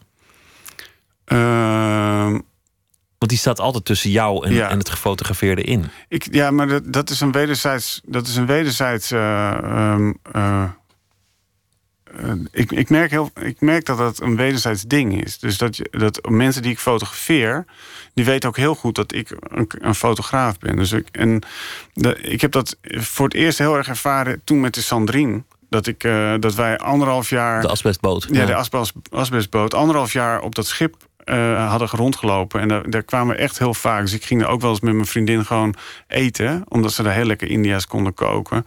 Dus dan zei ik van, kom, zullen we India's eten? Dan gingen we gewoon naar het schip. Weet je wel? En dan ging ik helemaal niet fotograferen. Gewoon, gewoon lekker eten daar. Dus dat, daar had ik echt een band mee. Maar dat, de, eh, toen, toen het probleem was opgelost... en toen kwamen er opeens heel veel andere fotografen... want het werd opeens een, een nieuwsstorm. Toen wij dat naar buiten hadden gebracht... ging iedereen dat filmen. Toen waren wij ook zo weer vergeten. Dus het was echt gewoon... dan hadden ze allemaal, allemaal vrienden en weet ik veel wat allemaal. En wij waren gewoon dan toch de buitenstaander. Dus je hebt, als fotograaf heb je ook die rol. Dat je, dat, dat, eh, dus dat je een buitenstaander blijft. En zo voel ik dat ook heel vaak. En dus ik heb nu wel... Maar het is het excuus waarom je daar bent. Het is de reden waarom ze jou toelaten, omdat ze Ja. je camera zien. Ja. Je functie is duidelijk. Maar het is ook een, een manier waarop je het voor jezelf misschien makkelijker maakt, omdat je je op tijd weer kan afsluiten. Ja, nou bijvoorbeeld Calais heb ik heel lang, eh, ben ik ook altijd heel, eh, ga ik ook expres heel kort heen. Dus ik ga er, er zijn mensen die zitten er dan een week en, sommige mensen slapen zoals in het kamp. Ik moet er echt niet aan denken. Dus ik ga er gewoon meestal maar één dag heen en soms twee. Maar ik vind het ook fijn, omdat ik dan gewoon, dan ben ik heel erg gefocust en dan, eh, dan, dan kan ik me afsluiten. En dan, zolang ik, als ik dan langer blijf, dan ga ik dan toch weer met die thee drinken en dan ga je daar weer eten. En dan, eh, dan, dan kom ik te veel in het systeem terecht. En dan wordt het, dan wordt het persoonlijk en dan kan ik het eigenlijk. Dan eh, vind ik het niet zo prettig meer. Er is één beeld uit India of Pakistan, meen ik, waar een, een menigte jou staat toe of uit te lachen. Jij fotografeert en iedereen staart en, Ja, de, en de, de starende mannen. Ja, ja dat, dat, dat is heel vroeg werk. Dat, dat, dat gaat heel erg over de relatie tussen de cameraman, eh, de camera en, en het, object, op het, het, het object, maar ook andersom. Dus je gaat ook over de kijker. Dus het is eigenlijk een soort van, ja, eh, bijna een loopje. Dus eh, die, die, ik had een hele grote camera en die zet ik op de straat neer met een doek over mijn hoofd. Dan ging ik eronder gewoon scherp stellen. En dan stroomden de mensen toe en die gingen allemaal kijken naar wat ik deed. En dan, eh, op het moment dat ik zag dat het helemaal vol stond, zo voor mijn camera, dus dat, dan, ma- dan maakte ik een foto en dan keken mensen op van, huh, wat heeft hij nou gedaan? En dan ging ik weer weg. Dus die foto's die, hing, die hebben in een galerie gehangen, eh, on- ongeveer levensgroot. Dus de bezoekers die werden ook aangestaard door een hele groep mensen. Ehm, en dat ging dus heel erg over die, over die functie of die Want- positie van de, van, de, van de foto. Jouw publiek kan ongegeneerd staren naar mensen waar, waar ze normaal misschien. Zouden wegkijken of zich zouden generen. Kunnen ze nu heel erg staren en nu staren die mensen gewoon een keertje. Ja, het is heel Terug. on- heel, eh, dat is heel oncomfortabel. dus die foto's die hebben we ook nooit hebben we ook niet verkocht. Dat, eh, ik bedoel, dat, eh, de- niemand wil die foto's in huis hebben. Ik heb het ook wel eens voorgesteld thuis. Ik vind, het, ik vind ze namelijk fascinerend. Mijn vriendin wil ze echt, echt niet in huis hebben. Want die vindt het vreselijk. Er zitten allemaal man- mannen naar je te staren de hele tijd. Maar zo'n foto van de tentenkamp blijkt me ook niet iets voor boven de bank. Nee, maar de- ja, nee, die, nee dus mijn werk eh, is, dat is wel een probleem met mijn werk. Omdat het gewoon te confronterend is. Ondanks dat ik vind dat het gewoon eh, eh, dat het niet chockerend is of zo. Maar mensen vinden het gewoon toch moeilijk om, om die realiteit in huis te halen. Ik kan het me ook wel voorstellen. Ik kan het me voorstellen, maar ik vind het ook heel fijn. Ik heb hem thuis wel in, de, in de keuken hangen. Ook omdat ik het. Ik wil gewoon. Ik wil gewoon dat die realiteit wel. Niet wegkijken. Nee, niet wegkijken. Vanaf vrijdag hangen ze aan de muur bij het Scheepvaartmuseum in Amsterdam. Een, uh, een lange route. Er is ook een soort openingsbijeenkomst in uh, Pakhuis de Zwijger. En vanaf april in Museum Foam in Amsterdam, het Fotomuseum. De foto's van Henk Wildschut. Dankjewel. Graag gedaan. Goeie nacht. Zometeen gaan we verder met uh, Nooit meer slapen. En dan uh, gaan we het hebben over uh, heel veel andere dingen. En Thomas van Aalten die heeft een verhaal geschreven bij de voorbije dag. En dat zal die even na ene voordragen. Twitter, het VPRO NMS. We zitten op Facebook. En u kunt ons ook podcasten via de website van de VPRO. VPRO.nl schuine streep Nooit meer slapen. Of via iTunes. We gaan zo verder.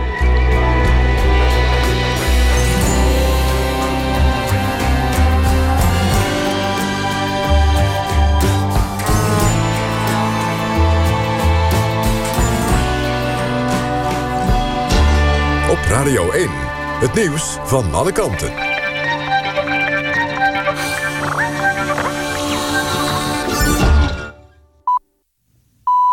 1 uur, Michel Koenen met het NOS-journaal. De Russische president Poetin heeft voor het eerst gereageerd op de dopinggevallen bij onder meer tennister Sharapova en schaatser Kulishnikov. Poetin zegt dat sportfunctionarissen de lijst met verboden middelen niet tijdig hebben bijgewerkt, waardoor de sporters het verboden meldonium konden gebruiken. Poetin verzoekt zijn sportbestuurders samen te werken met de internationale organisaties zoals het WADA en het IOC. En net vandaag werd bekend dat er weer een Russische topsporter is gepakt op het gebruik van meldonium. Het is de zwemster Julia Jefimova. Ze was een paar jaar geleden al eens geschorst vanwege het gebruik van anabole steroïden.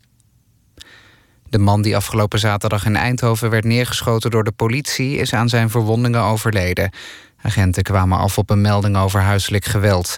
De man van 41 verzette zich hevig tegen zijn aanhouding en zou de agenten met een scherp voorwerp hebben bedreigd. Daarop trok een van hen het dienstwapen en schoot de man neer. De Britse regering wil vanaf 2018 een speciale suikerbelasting invoeren op frisdranken. Dat blijkt uit de begroting die gisteren is gepresenteerd. De bekende tv-kok Jamie Oliver voert al jaren campagne voor de invoering van zo'n belasting.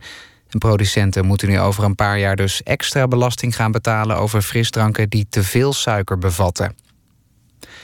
En Bayern München en FC Barcelona hebben zich als laatste ploegen geplaatst voor de kwartfinales van de Champions League. Bayern versloeg Juventus na verlenging met 4-2. Arjen Robben ontbrak vanwege een dijbeenblessure. En Barcelona versloeg Arsenal met 3-1. En de heenwedstrijd hadden de Catalanen al met 0-2 gewonnen. Het weer nog. Het is helder, maar lokaal kan wat mist zijn. De minima liggen rond het vriespunt.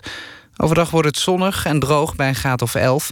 En vrijdag bewolkt en iets kouder met 6 tot 9 graden. Het blijft wel droog. Dit was het NOS Journaal. NPO Radio 1. VPRO.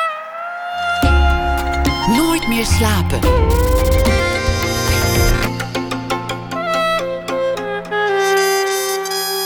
Met Pieter van der Wielen.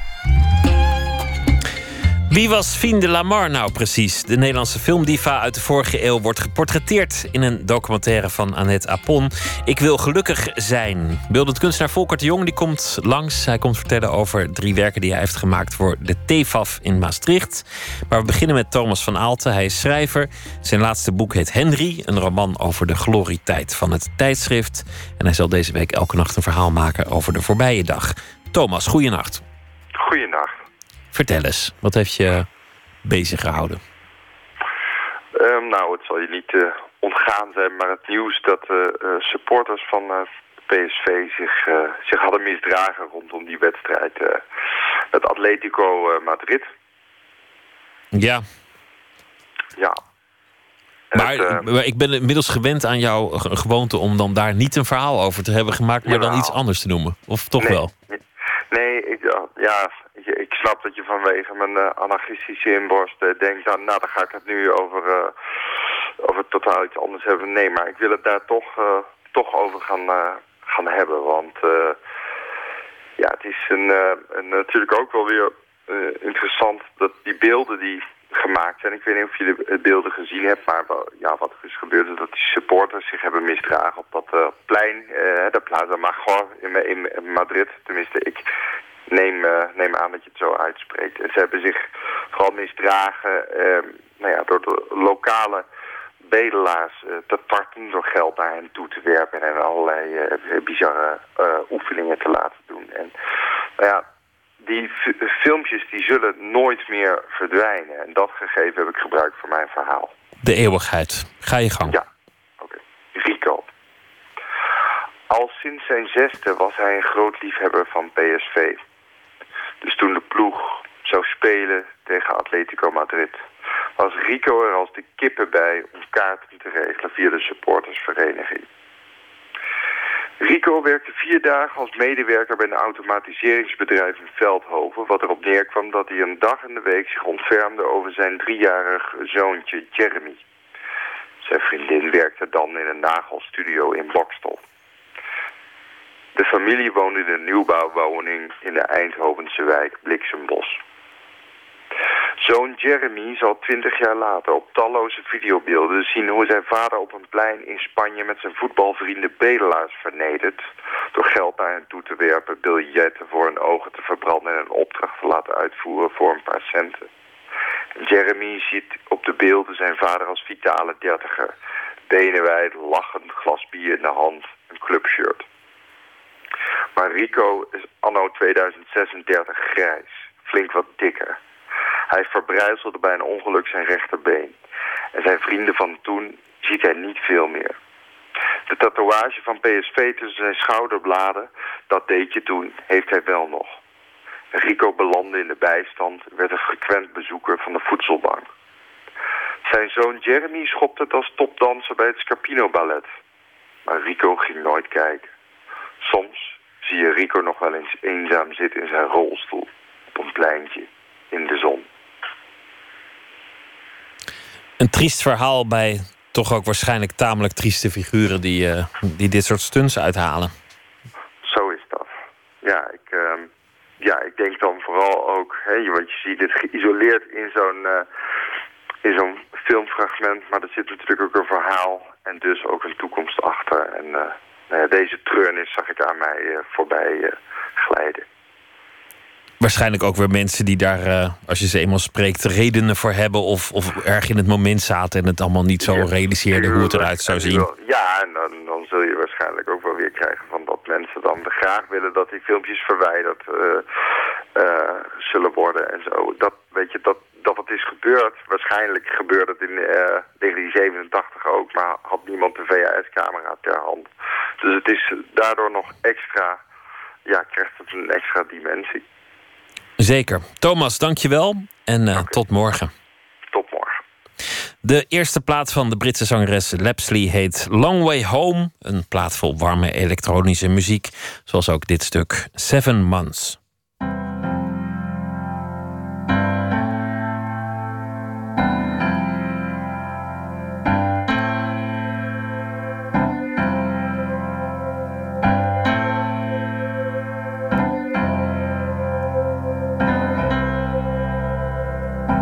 Seven months in many ways I'd lost substance. And every night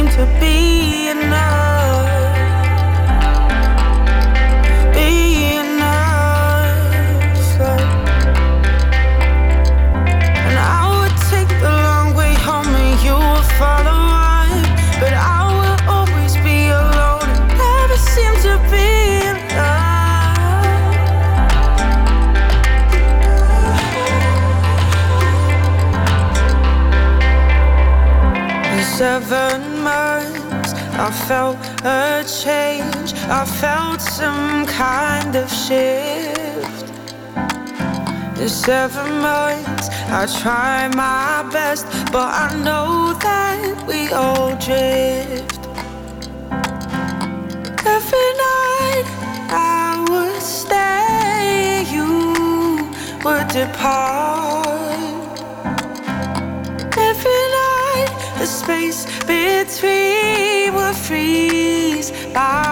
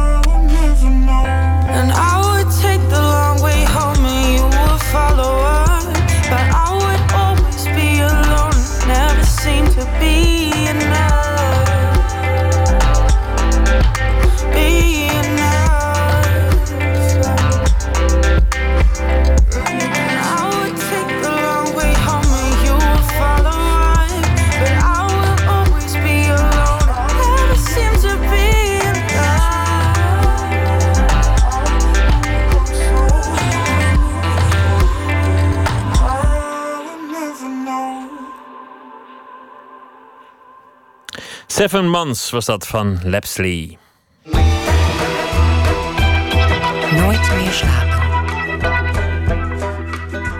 Nederland is geen land van diva's. Daar is het nou eenmaal het land niet naar. En als er dan eens een keer een diva is, dan zijn we er ook niet zuinig op. Fien de Lamar was er zo één.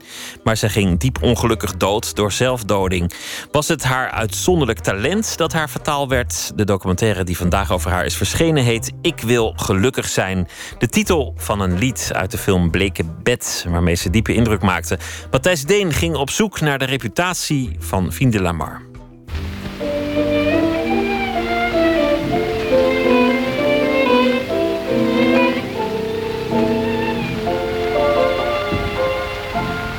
Niemand komt er eigenlijk toe om het volgende te zeggen. Fine Lamar was een kring van een mens. We trekken vaak naar vreemde landen en breken tijdelijk alle banden voor de emotie van de reis. We weten heel veel te verhalen. Velen hebben dat ondervonden. Ze heeft heel veel mensen heeft ze verdriet aangedaan. Maar we zijn ons daar allemaal stuk voor stuk van bewust geweest dat ze dat deed ondanks zichzelf. Ze was een erfelijk belaste vrouw. Ze was geniaal met alle schaduwzijden daarvan. Met alle abnormale kanten die er aan de genialiteit van de artisticiteit zijn verbonden.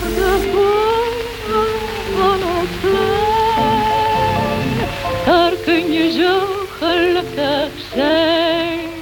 Nou, welkom. Onder het dak van Platergroen. Kijk, dus ja, ik heb er zelfs... Daarbij Het ergste is dat ik zelfs nog een paar andere klussen heb gedaan voor andere bedrijven. Kom ik ook iedere keer in de kelder terecht. Het is de stem van Maarten Eilander die me voorgaat naar zijn Hier een kelder. bandrecordertje, daar een bandrecordertje. De kast Hij beheerde tot zes jaar geleden de bezuinigingen toesloegen... het audioarchief van het Theaterinstituut. Toen het instituut werd uitgekleed en de verzameling overging... naar de bijzondere collecties van de UvA... nam hij het gedigitaliseerde onderdeel van het archief mee naar huis. Sloeg het op in zijn kelder. Daar rust dus nu een schaduwarchief van het Nederlands Theater. Honderden en honderden uren aan muziek, toneel, radioprogramma's. Dus ik heb eigenlijk van dat hele archief... heb ik gewoon allemaal één op één kopieën hier eh, liggen. Heb jij ook uh, Findelama compleet? Zo goed als, ja. En wat denk- nou, laten we even kijken. Ik heb de musical. Ik heb de cd uitgebracht met alle eh, platen die zij ooit heeft uitgebracht. Dan heb ik nog een hele cd met allemaal restmateriaal... wat ik elders heb gevonden. Eh, radioprogramma's waar ze in heeft gezeten. Dat soort dingen. Eh, een singeltje. Een, eh, de LP van Fien met een prachtige hoes van eh, Israëls voorop. Dat is prachtig, ja. Ja, en dan nog eh, een paar 78 toerenplaten. Ik heb ze niet allemaal. Op een dag begroef ik in mijn hart een stille liefde. En ik tart sindsdien de hele boel Maak me zwart, omdat ik niet thuis bezwijm en uit wil vliegen. Je moet toch ergens heen, ik ben niet graag alleen, met mijn groot geheim. Fien de Lamar was, vorig jaar precies te zijn, alweer een halve eeuw dood. Door eigen toedoen trouwens. Op een stille paaszondag sprong ze in de Beethovenstraat in Amsterdam uit haar raam. Ze overleed een paar dagen daarna. En haar hele wereld is trouwens voorbij. De mensen die met haar speelden zijn het niet meer. Het repertoire rust in wegbezuinigde archieven. Haar stem is een stem van de jaren 30. Toen ze een gevierd en gevreesd actrice was, cabaretière, zangeres. Toen ze overleed, in 1965, was er van haar reputatie niet al te veel meer over. Al had ze, in de jaren daar voorafgaand, nog wel een paar filmrollen gedaan. Hij gaf me zoen. Mooie zoen. Op mijn voorhoofd. Ik vond het heerlijk. Ik bewonderde zijn zelfbeheersing en verloor volkomen de mijne. Ik vertelde hem alles van mezelf. Als ik er nog aan denk. Man laten we zo kunnen vergiftigen.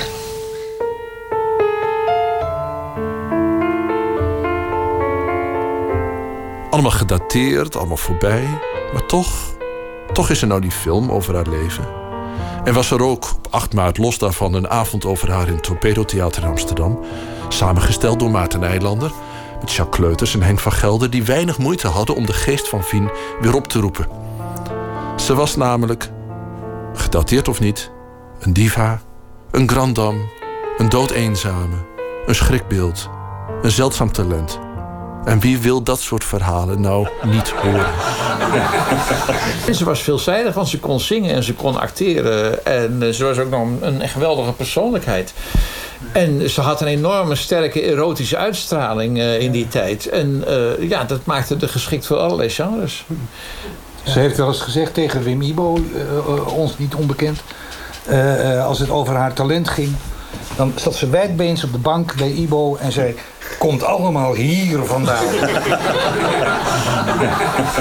Ja, wij hebben natuurlijk, uh, wij hebben nog die mensen meegemaakt die haar allemaal nog gekend hebben. Weet je wel. En ja, ja. nou ja, Wim Ibo, maar ook Albert Mol. En ik heb ook nog wel andere mensen, oudere acteurs gesproken, die dan over haar spraken. En dat was altijd met een mengeling van bewondering en afschuw. Bewondering vanwege haar talent en voor de mooie dingen die ze had gedaan. En afschuw omdat het een onbetrouwbaar loeder was. en, en, een vrouw die elk ogenblik kon ontploffen. Die uh, collega's sloeg. Ze was getrouwd met Piet Grossau. Aannemer. Architect en aannemer. Architect en aannemer. Ja. Dat was toch de enige man die haar een beetje de baas kon, niet Piet Grossau? Kon haar temmen. Volgens ja, dat is het verhaal wel. Ja. Ja. ja. Dat was een, uh, een ontzettend aantrekkelijke man. Uh, geen intellectueel. En uh, hij zei niet zo vreselijk veel. Uh, maar hij had haar behoorlijk onder appel, wordt dan geschreven. Piet Grosso had toch ook de gewoonte, als het lastig was... dan sloot hij er gewoon op in de badkamer. Dan liet hij het ook de hele dag erin zitten. En, ja, en, ze en, en blijkbaar koesten ze dat zelfs. Dat vond ja. ze zelfs een soort veiligheid bieden, een soort houvast bieden. Sluit me maar op. Piet, ja. sluit me maar op. Ja, want er is een verhaal van Mary Dresselhuis. Die zou bij haar op bezoek komen. En die heeft haar tijdens het hele bezoek niet gezien. Want ze zat in de badkamer en ze mocht er niet uit van, uh, van haar echtgenoot. Ja. En, en, en, ze moest een keer optreden met de pianist... Uh, met wie ze ook een beetje trammeland had. En een seconde voordat het boek oh ja. open gaat... geeft ze hem een enorme klap in zijn gezicht. en die man kon natuurlijk niks meer terug doen. En toen was ze verder ook nog zo lastig die avond. Toen werd Piet Grosso even gebeld. Die kwam langs, die gaf er een pak slaag. en daarna was ze weer hanteerbaar. Ja, en, en, en, en ja, ze zijn ook heel lang uit elkaar geweest. En toch altijd heeft ze dat verlangen naar die man uh, behouden.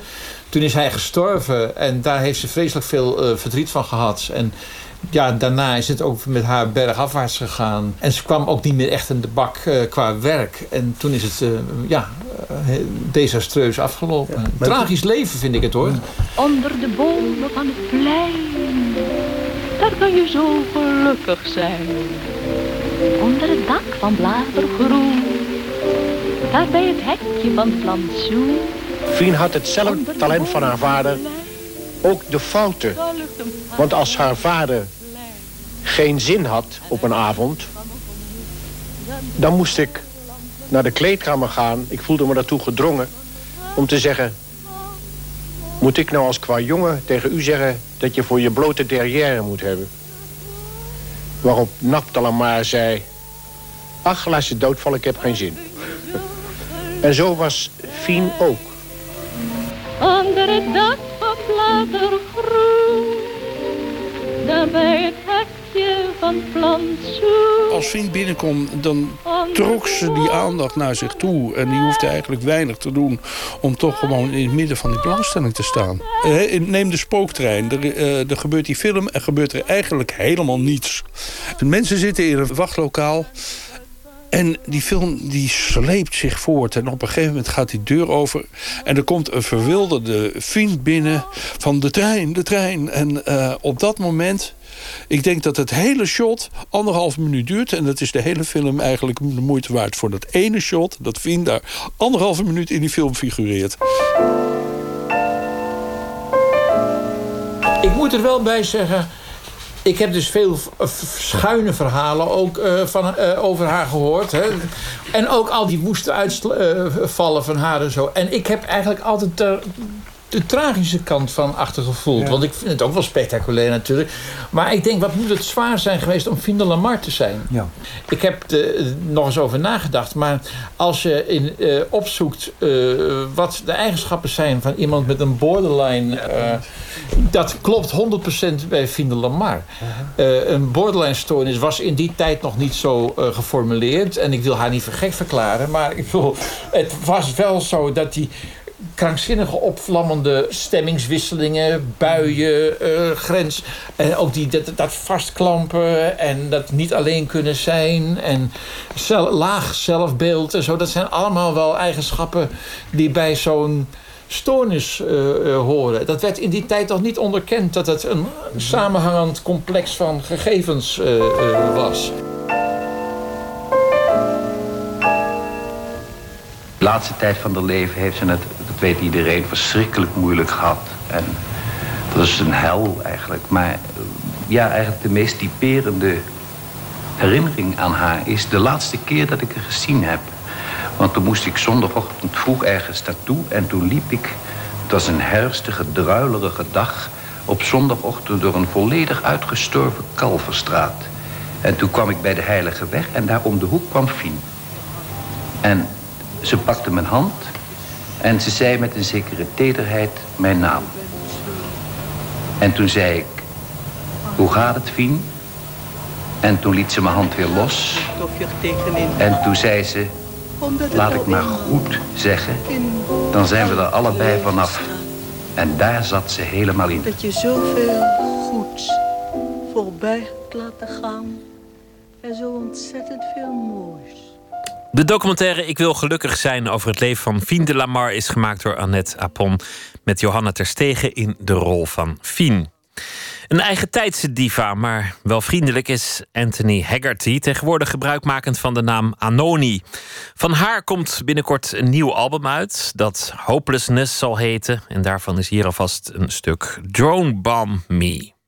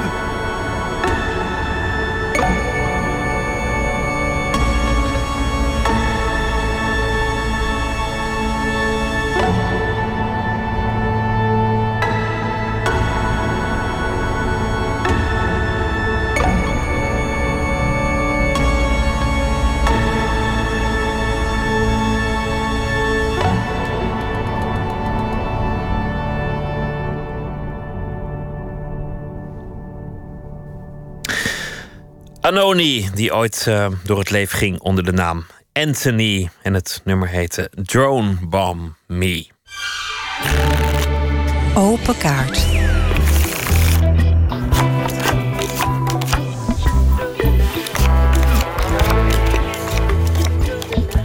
Een bak met kaarten en op elke kaart staat een vraag. En de gast bepaalt zo, of de willekeur bepaalt zo, welke vragen worden gesteld.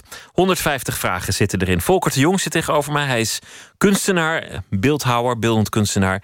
En deze week eh, opende in Maastricht de TFAF, de wereldwijde kunstbeurs.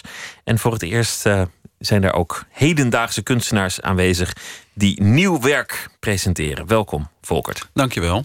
Ja, ik associeer TFAF toch vooral met eh, een nieuw gevonden Rembrandt of een eh, Picasso die eindelijk op de markt komt of een koopje, een Matisse voor slechts 4 miljoen. En ineens sta jij daartussen met nieuw werk als, als levende kunstenaar. Ja. Hoe komt dat zo? Eh, dat, is, dat komt omdat eh, ze dus inderdaad vanuit die beurs besloten hebben om iets met hedendaagse kunst te doen. En daar is een curator aangesteld, Mark Kremer. En hij eh, heeft een thema uitgekozen. Dat ging rondom een werk van Jozef Beuys. Dat heet Zeig me deine Woende. En dat is het thema dus van dat gedeelte. Laat mij jouw wonden zien. Ja, precies. En daar heeft hij meerdere kunstenaars voor geselecteerd. Die gerepresenteerd werden door een galerie, zeg maar, op die beursvloer in een apart gedeelte. Dus je moet je voorstellen, inderdaad, dat is dus een, eh, ja, een vrij ruime plek. Waar dus eh, je die kunstwerken ziet. En waar dus tafeltjes staan, ook waar de galeriehouders dan aan zitten. En eh, het, het vormde inderdaad wel een soort van. Ja, een, eh, een beetje een rustig eiland eigenlijk in die, wat je beschrijft. Die gekte, zeg maar, rondom antiek en eh, oude meesters. Sommige plekken was het, was het extreem druk. Bijvoorbeeld waar de nieuwe Rembrandt, het, de nieuw ontdekte Rembrandt, eh, werd getoond. Daar, daar stonden lange rijen en, en daartussen stond jij met je werk. Ja. De New York Times noemde jou al jaren geleden, al een jaar of tien geleden, waarschijnlijk, dat is een soort disclaimer, waarschijnlijk probably the most important artist of the Netherlands. Waarschijnlijk de belangrijkste kunstenaar van Nederland volgens de New York Times. Dit keer hadden ze ook weer aandacht voor wat je had gedaan. Ja, Laten we even klopt, teruggaan naar dingen die je in het verleden hebt gedaan. Eh, een enorme voorkeur door de jaren heen voor schuim als materiaal. Dat klopt, ja. ja. Beurschuim en... Uh, Polyurethaanschuim, ja. Niet, niet per definitie mooi spul om, om, om naar te kijken. Nou, dat, uh, dat Nou. is nog niet zo gezegd. Oh, ik heb mezelf aangeleerd in, om inderdaad dit soort industriële materialen zo eh, eigenlijk te manipuleren en, en eh, vorm te geven. Dat ze inderdaad wel heel eh, aan- aantrekkelijke verschijningsvormen ook aannemen.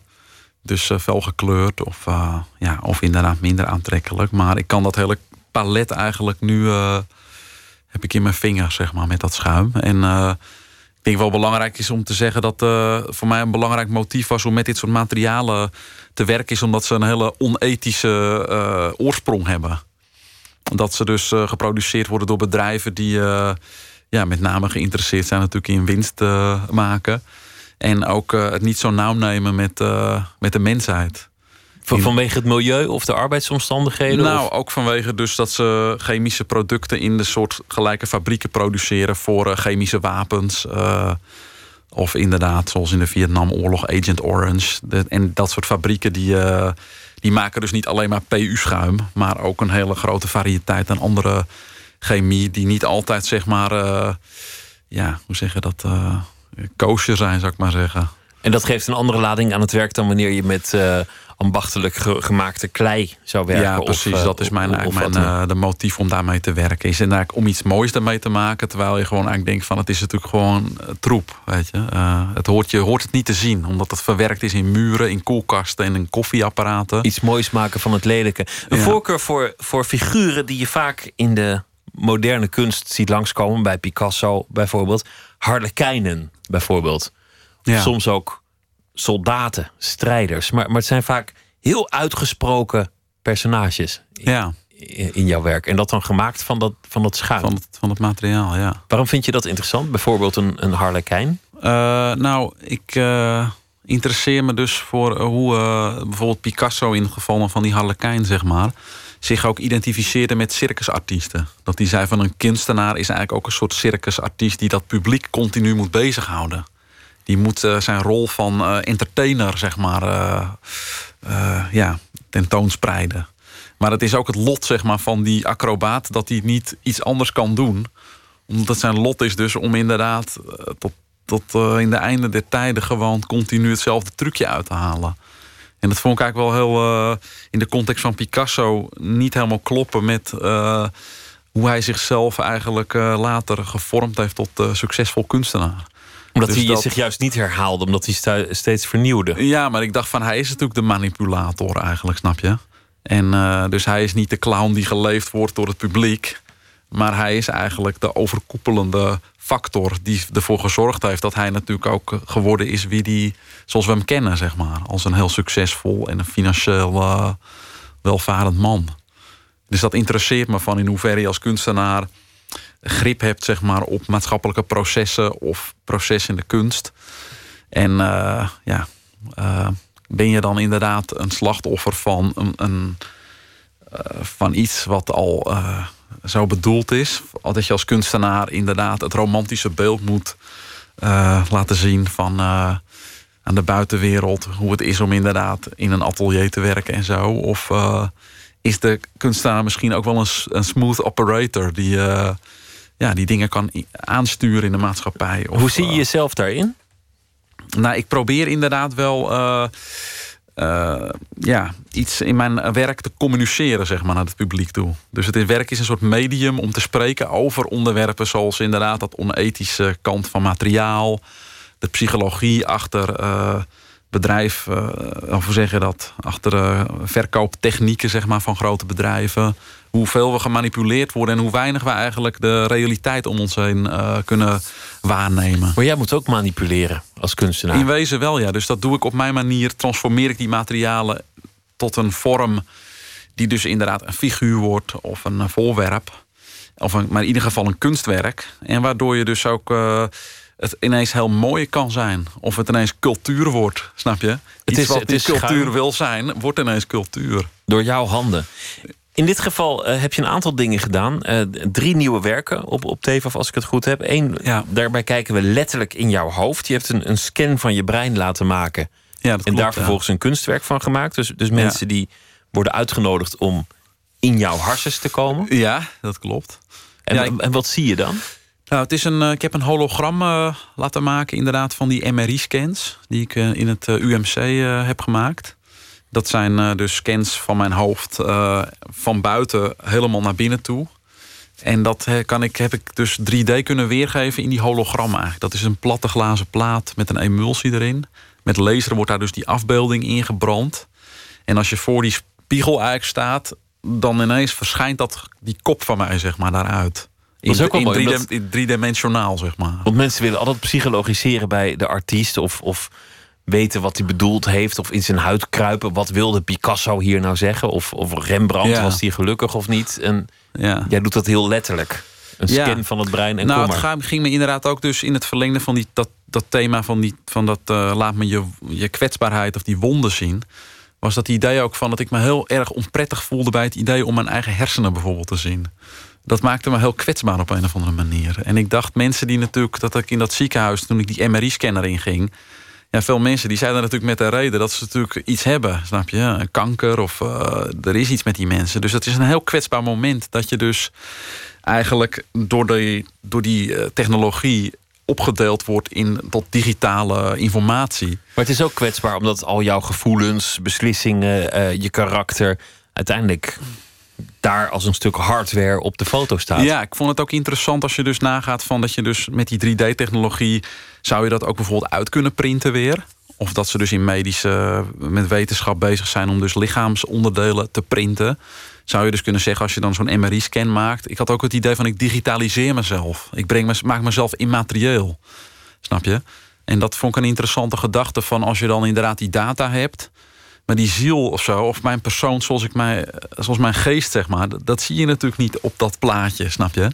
Dus ik had het ook veel met die arts waar ik mee samenwerkte over. Dus van eh, wat maakt een persoon tot eh, levende wezen? Meer dan een lichaam, snap je? Er moet toch iets zijn van een, van een ziel. Ja. Een ander werk dat gaat over een eh, coureur. Die, die, die is verongelukt. Mhm. Heel letterlijk. Laat me jouw wonden zien. Een, een, een soort stellage Ja. die iets zegt over een, een coureur. Ja, nee, ik, ik, het- als kind eh, woonde ik dus eh, naast een fotograaf. En die eh, had er weer World Press Foto gewonnen. In 1974. Met een foto inderdaad die hij gemaakt had op Zandvoort, op het eh, circuit. Van een ongeluk inderdaad, van een beroemde autoracer. En de, die collega, die zie je dus van die autoracer... die kijkt naar dat autovrak en die ziet zijn collega zeg maar verbranden in die auto. En in die fotoserie zie je eigenlijk dat... eh, die wanhoop van die collega, zeg maar, die dus zijn vriend eh, ziet verbranden, een soort enorme wanhoop. Eerst zie je kwaadheid en wanhoop. En dan ineens dacht ik van het is bijna een soort christelijk eh, beeld of zo. Dat, dat, dat, dat drama van onmacht en vreselijke het zien van dood. Dat, dat zorgde voor een soort verstilling eigenlijk in dat lichaam van die man. En dat fascineerde me. Als kind zag ik dus die foto bij die fotograaf hangen in huis, waar ik speelde met zijn dochter.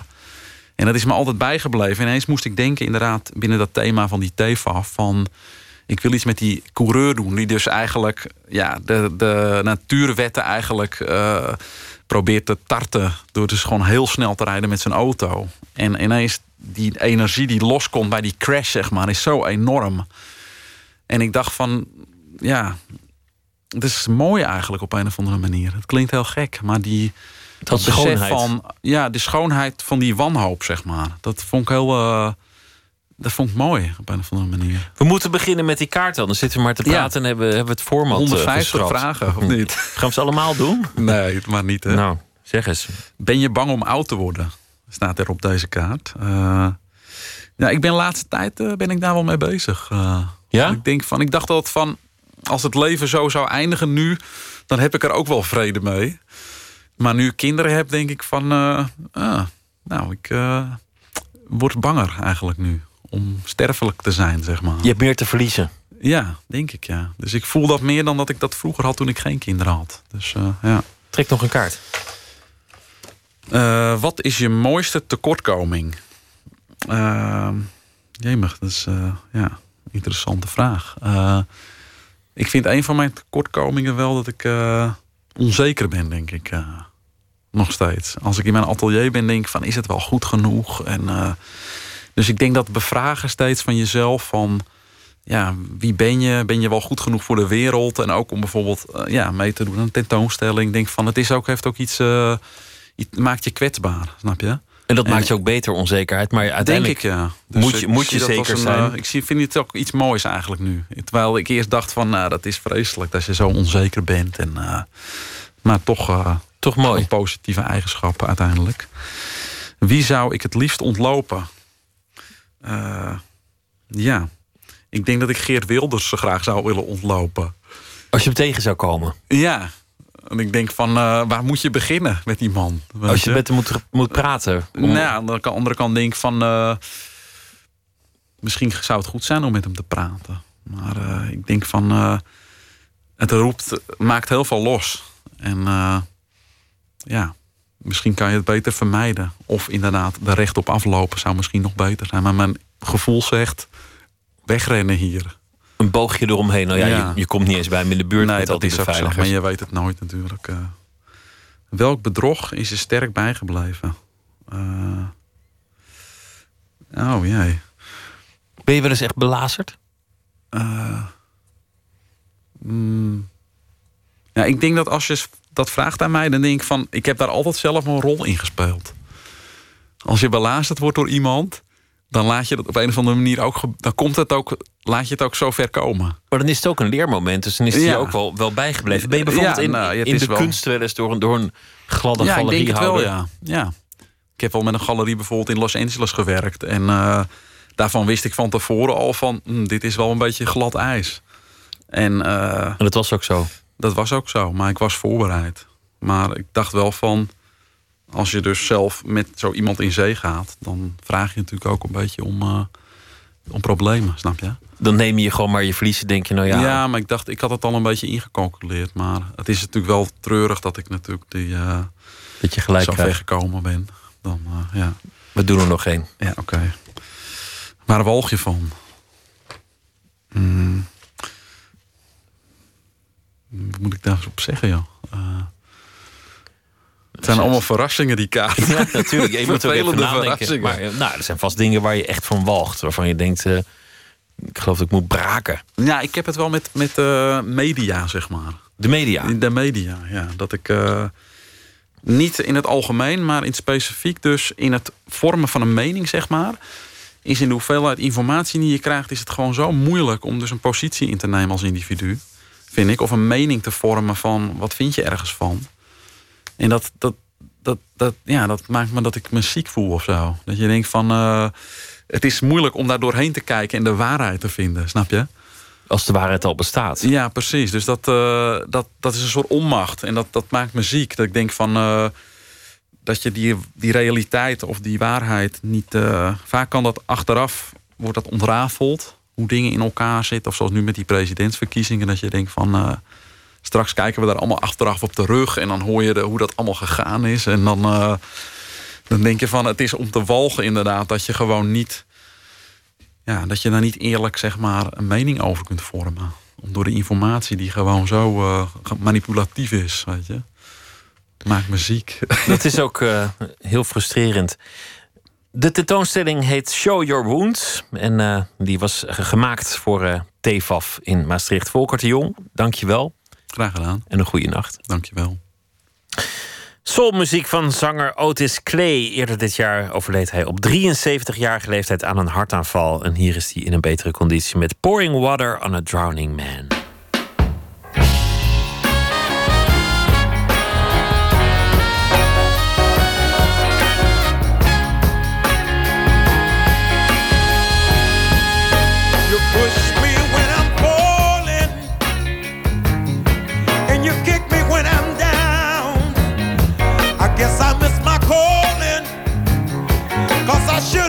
Clown.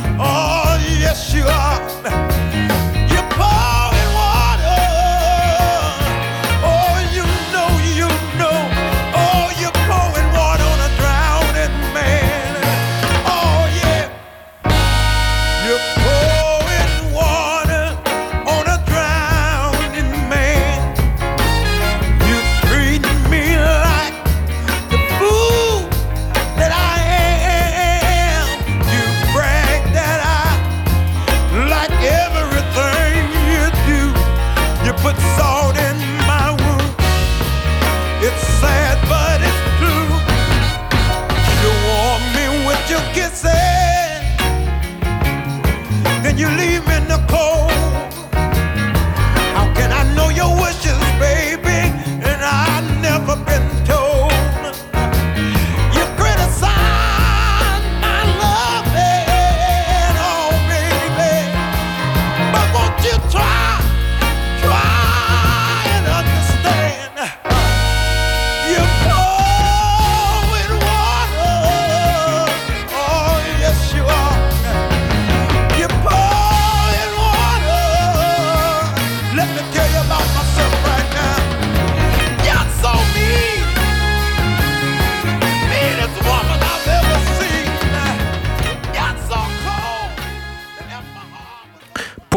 Water on a Drowning Man. Dit was een versie uit 1970 van Otis Clay.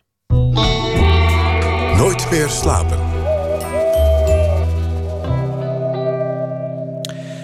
In Austin, Texas vindt het jaarlijkse South by Southwest Festival plaats. Het grootste showcase festival voor muziek, technologie en voor film.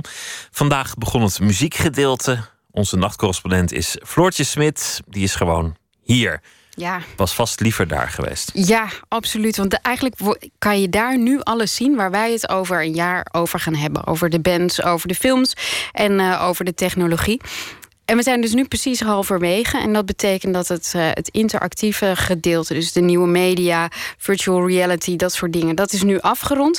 En nu komt de muziek centraal te staan. En ik sprak vandaag met eh Diederik van Zessen. Hij is van muziekzender Excite. En die omschreef het zo.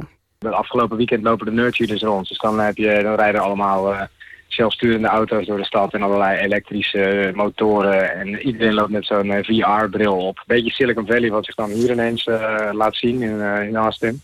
En komend weekend, dat is nu zeg maar, komt er binnen. Komen alle baarden en alle tattoos eh, binnen.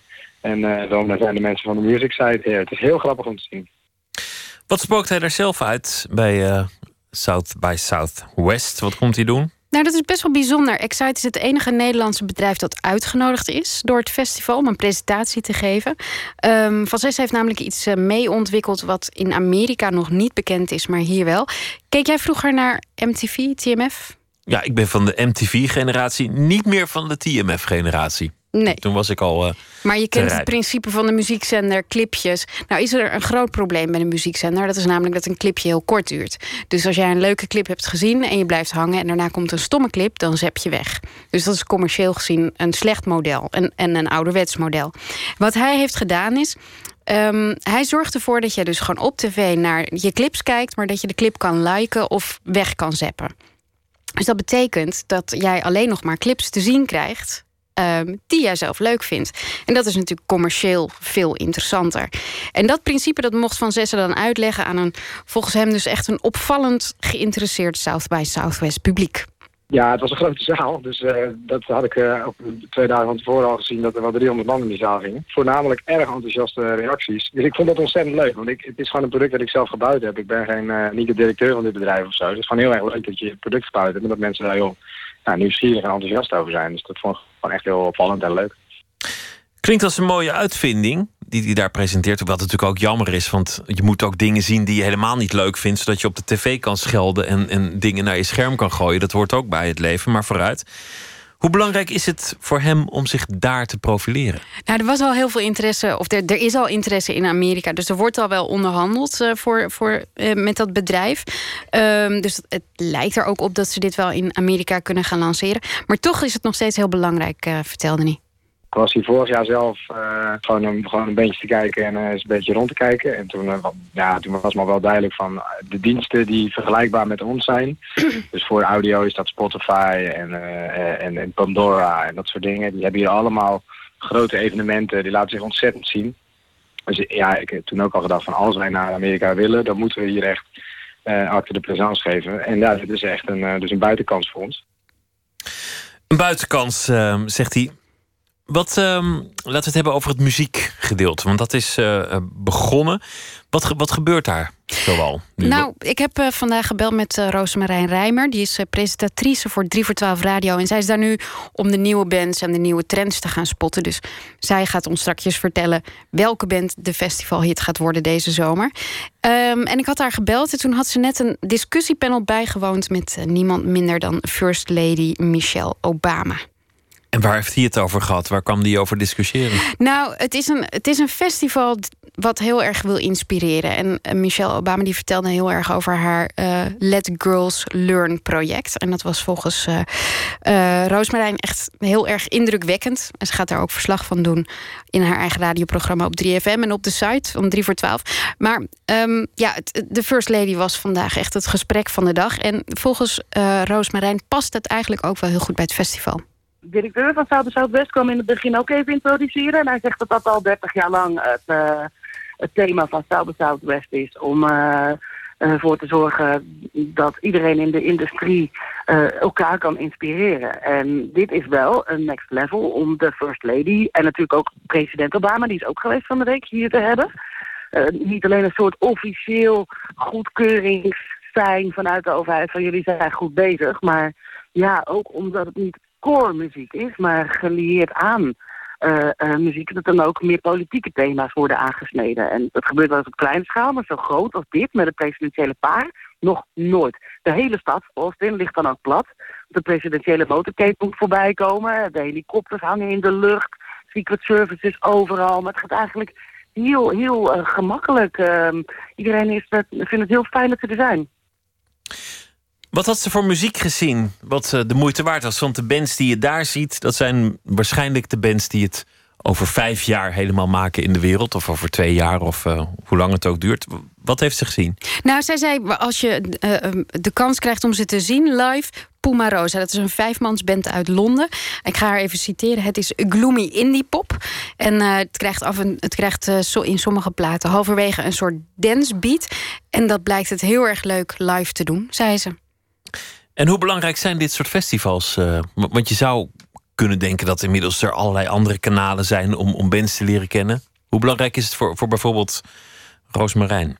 Nou ja, ik dacht dus ook van je hebt tegenwoordig, je hebt tegenwoordig allemaal websites die, die tippen welke muziek je moet gaan zien. Dus het zal wel minder worden. Maar volgens haar is dat echt volstrekte onzin. Uh, computers kunnen wel vertellen van... joh, als je dit leuk vindt, check ook eens dat. Uh, maar dat wil absoluut niet zeggen dat zo'n show ook leuk is... om live bij te gaan kijken. En of zo'n artiest genoeg liedjes heeft die de moeite waard zijn... dat hij echt ook een verhaal heeft... Uh, um, echt een show met body... waardoor je er echt fan van zou willen worden. iedereen kan wat dat betreft één goed liedje maken en online zetten. En dat denkt de computer nou je handig aan te kunnen raden... maar echt, echt een fan worden of de moeite waard zijn... of dat een boeker van een festival die hier staat te kijken denkt... ja, jou moet ik hebben. Daarvoor moet je toch echt een artiest live in actie zien. Al dus uh, Roosmarijn Rijmer. Floortje Smit, dank je wel. Graag gedaan. Ze was dochter van een Broadway musicalster. Inmiddels is ze zelf 67, Bonnie Raitt. En zelf zocht ze het in de country en de blues. Een nieuw album is verschenen, Dig in Deep... waarvan we draaien The Ones We Couldn't Be.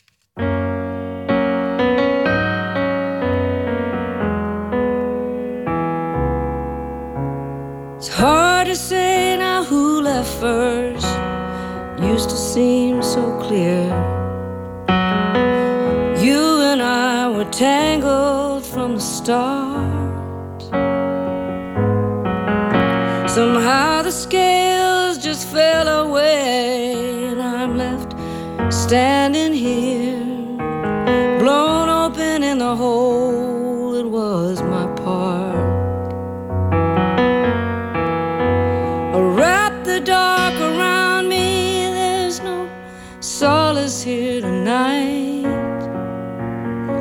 wishing and regret for company. My glass is raised for all the ways we try to get it right. And I'm sorry for the ones we couldn't be. I'm so sorry for the ones we couldn't be.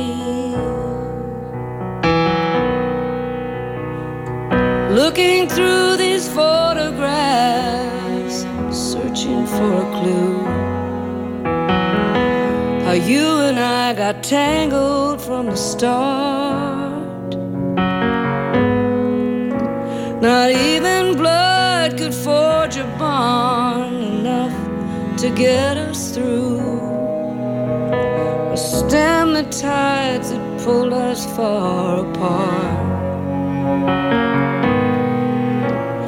Sorry for the ways I couldn't give you what you needed. For all the ways I strung us both along. Say it goes both ways, and I suppose I could concede it. Seems to matter more now that you're gone.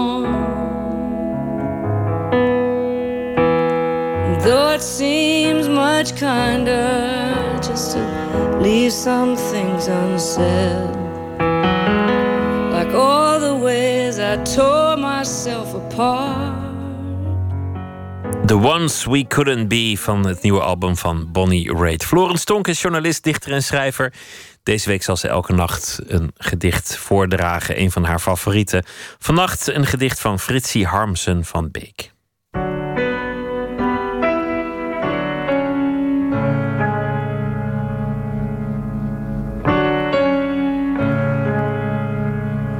Vanavond lees ik een gedicht voor van Fritsie Harmsen van Beek. Zij is vrij legendarisch. Zo was ze ooit getrouwd met Remco Kampert... en woonde ze in de jaren zestig in de villa van haar jong gestorven... maar ook nogal rijke ouders, te Blaricum. Ze gaven daar wilde feesten met veel Amsterdamse kunstenaars... en schrijvers zoals Gerard Reven. En Anniette van der Zijl schreef hier een heel mooi boek over. Dat heette Jachtlust, naar de naam van die villa... Fritsie schreef bizarre, humorvolle en volstrekt uh, originele poëzie. De vrijheid die ze neemt met taal, beelden en associaties vind ik heel erg inspirerend. En haar gedichten beschrijven vaak een soort sprookjeswereld waarin ook wel weer pijn doorklinkt. Het gedicht wat ik zo ga voorlezen gaat over een poes en komt uit Fritsie's debuut, Geachte Muizenpoot en andere gedichten. Er zit een heerlijke tederheid in dit gedicht, deze ode aan de poes. Ook het rommelige, tragische sfeertje van, uh, van jachtlust stel ik me daarbij voor. Aan mijn neerslachtige poes ter vertroosting bij het overlijden van zijn gebroed. Goedemorgen, hemelse mevrouw Ping. Is u de zachte nacht bevallen? Hebben de ondeugende, geheimzinnige planten naar behoren gegeurd en zijn hopelijk geen van uw overige zuigelingen aan de builenpest bezweken? Hebt u de interessante, nerveuze, godvruchtige vogeltjes, vrome, goedertierende mevrouw, al wel bekeken? Druk telefonerend van: Hallo, met Piet, kom je op mijn tak? O, de sierlijke, levendige vogels, allemaal voor de brave poes die veel beproefde, droevige moeder. Ja, verdomd. Deze ziekte, lieve beklagenswaardige mevrouw, is een vrede rakker en zoveel is wel duidelijk. Er valt niet tegen op te baren, waar zelfs het begrafeniswezen, die intieme huisgenoot, die zeer bekende schenker ook van lauwe melk, op zijn verlengde achterpoten, het ter aarde bestellen wel haast niet meer bij kan benen. Niet waar, dame Ping? Radar besnorde, dubbel gepuntmutste mevrouw oogige poezin? Het is nu beter te zitten zonder weemoed in de rauwe, geurige ochtendlucht, nu de zon nog teder is en de gordijnen levendig in de goede, vrolijke wind. O halmstaartige, voortreffelijke, kijk, zwijgzame, zwakzinnige allerliefste. Er loopt een belangwekkend, heel klein, maar bijzonder lekker beestje tussen de kiezelstenen onder de hemelsblauwe hortensia. Een titeloos gedicht van Fritsie Harmsen van Beek, uitgekozen en voorgelezen door Florence Tonk. Dit was Nooit meer slapen voor deze nacht. Morgen zijn we er weer. Dan is de gast de Vlaamse fotograaf Stefan van Vleteren. En ik wens u een hele goede nacht en morgen een leuke dag. Graag weer tot dan.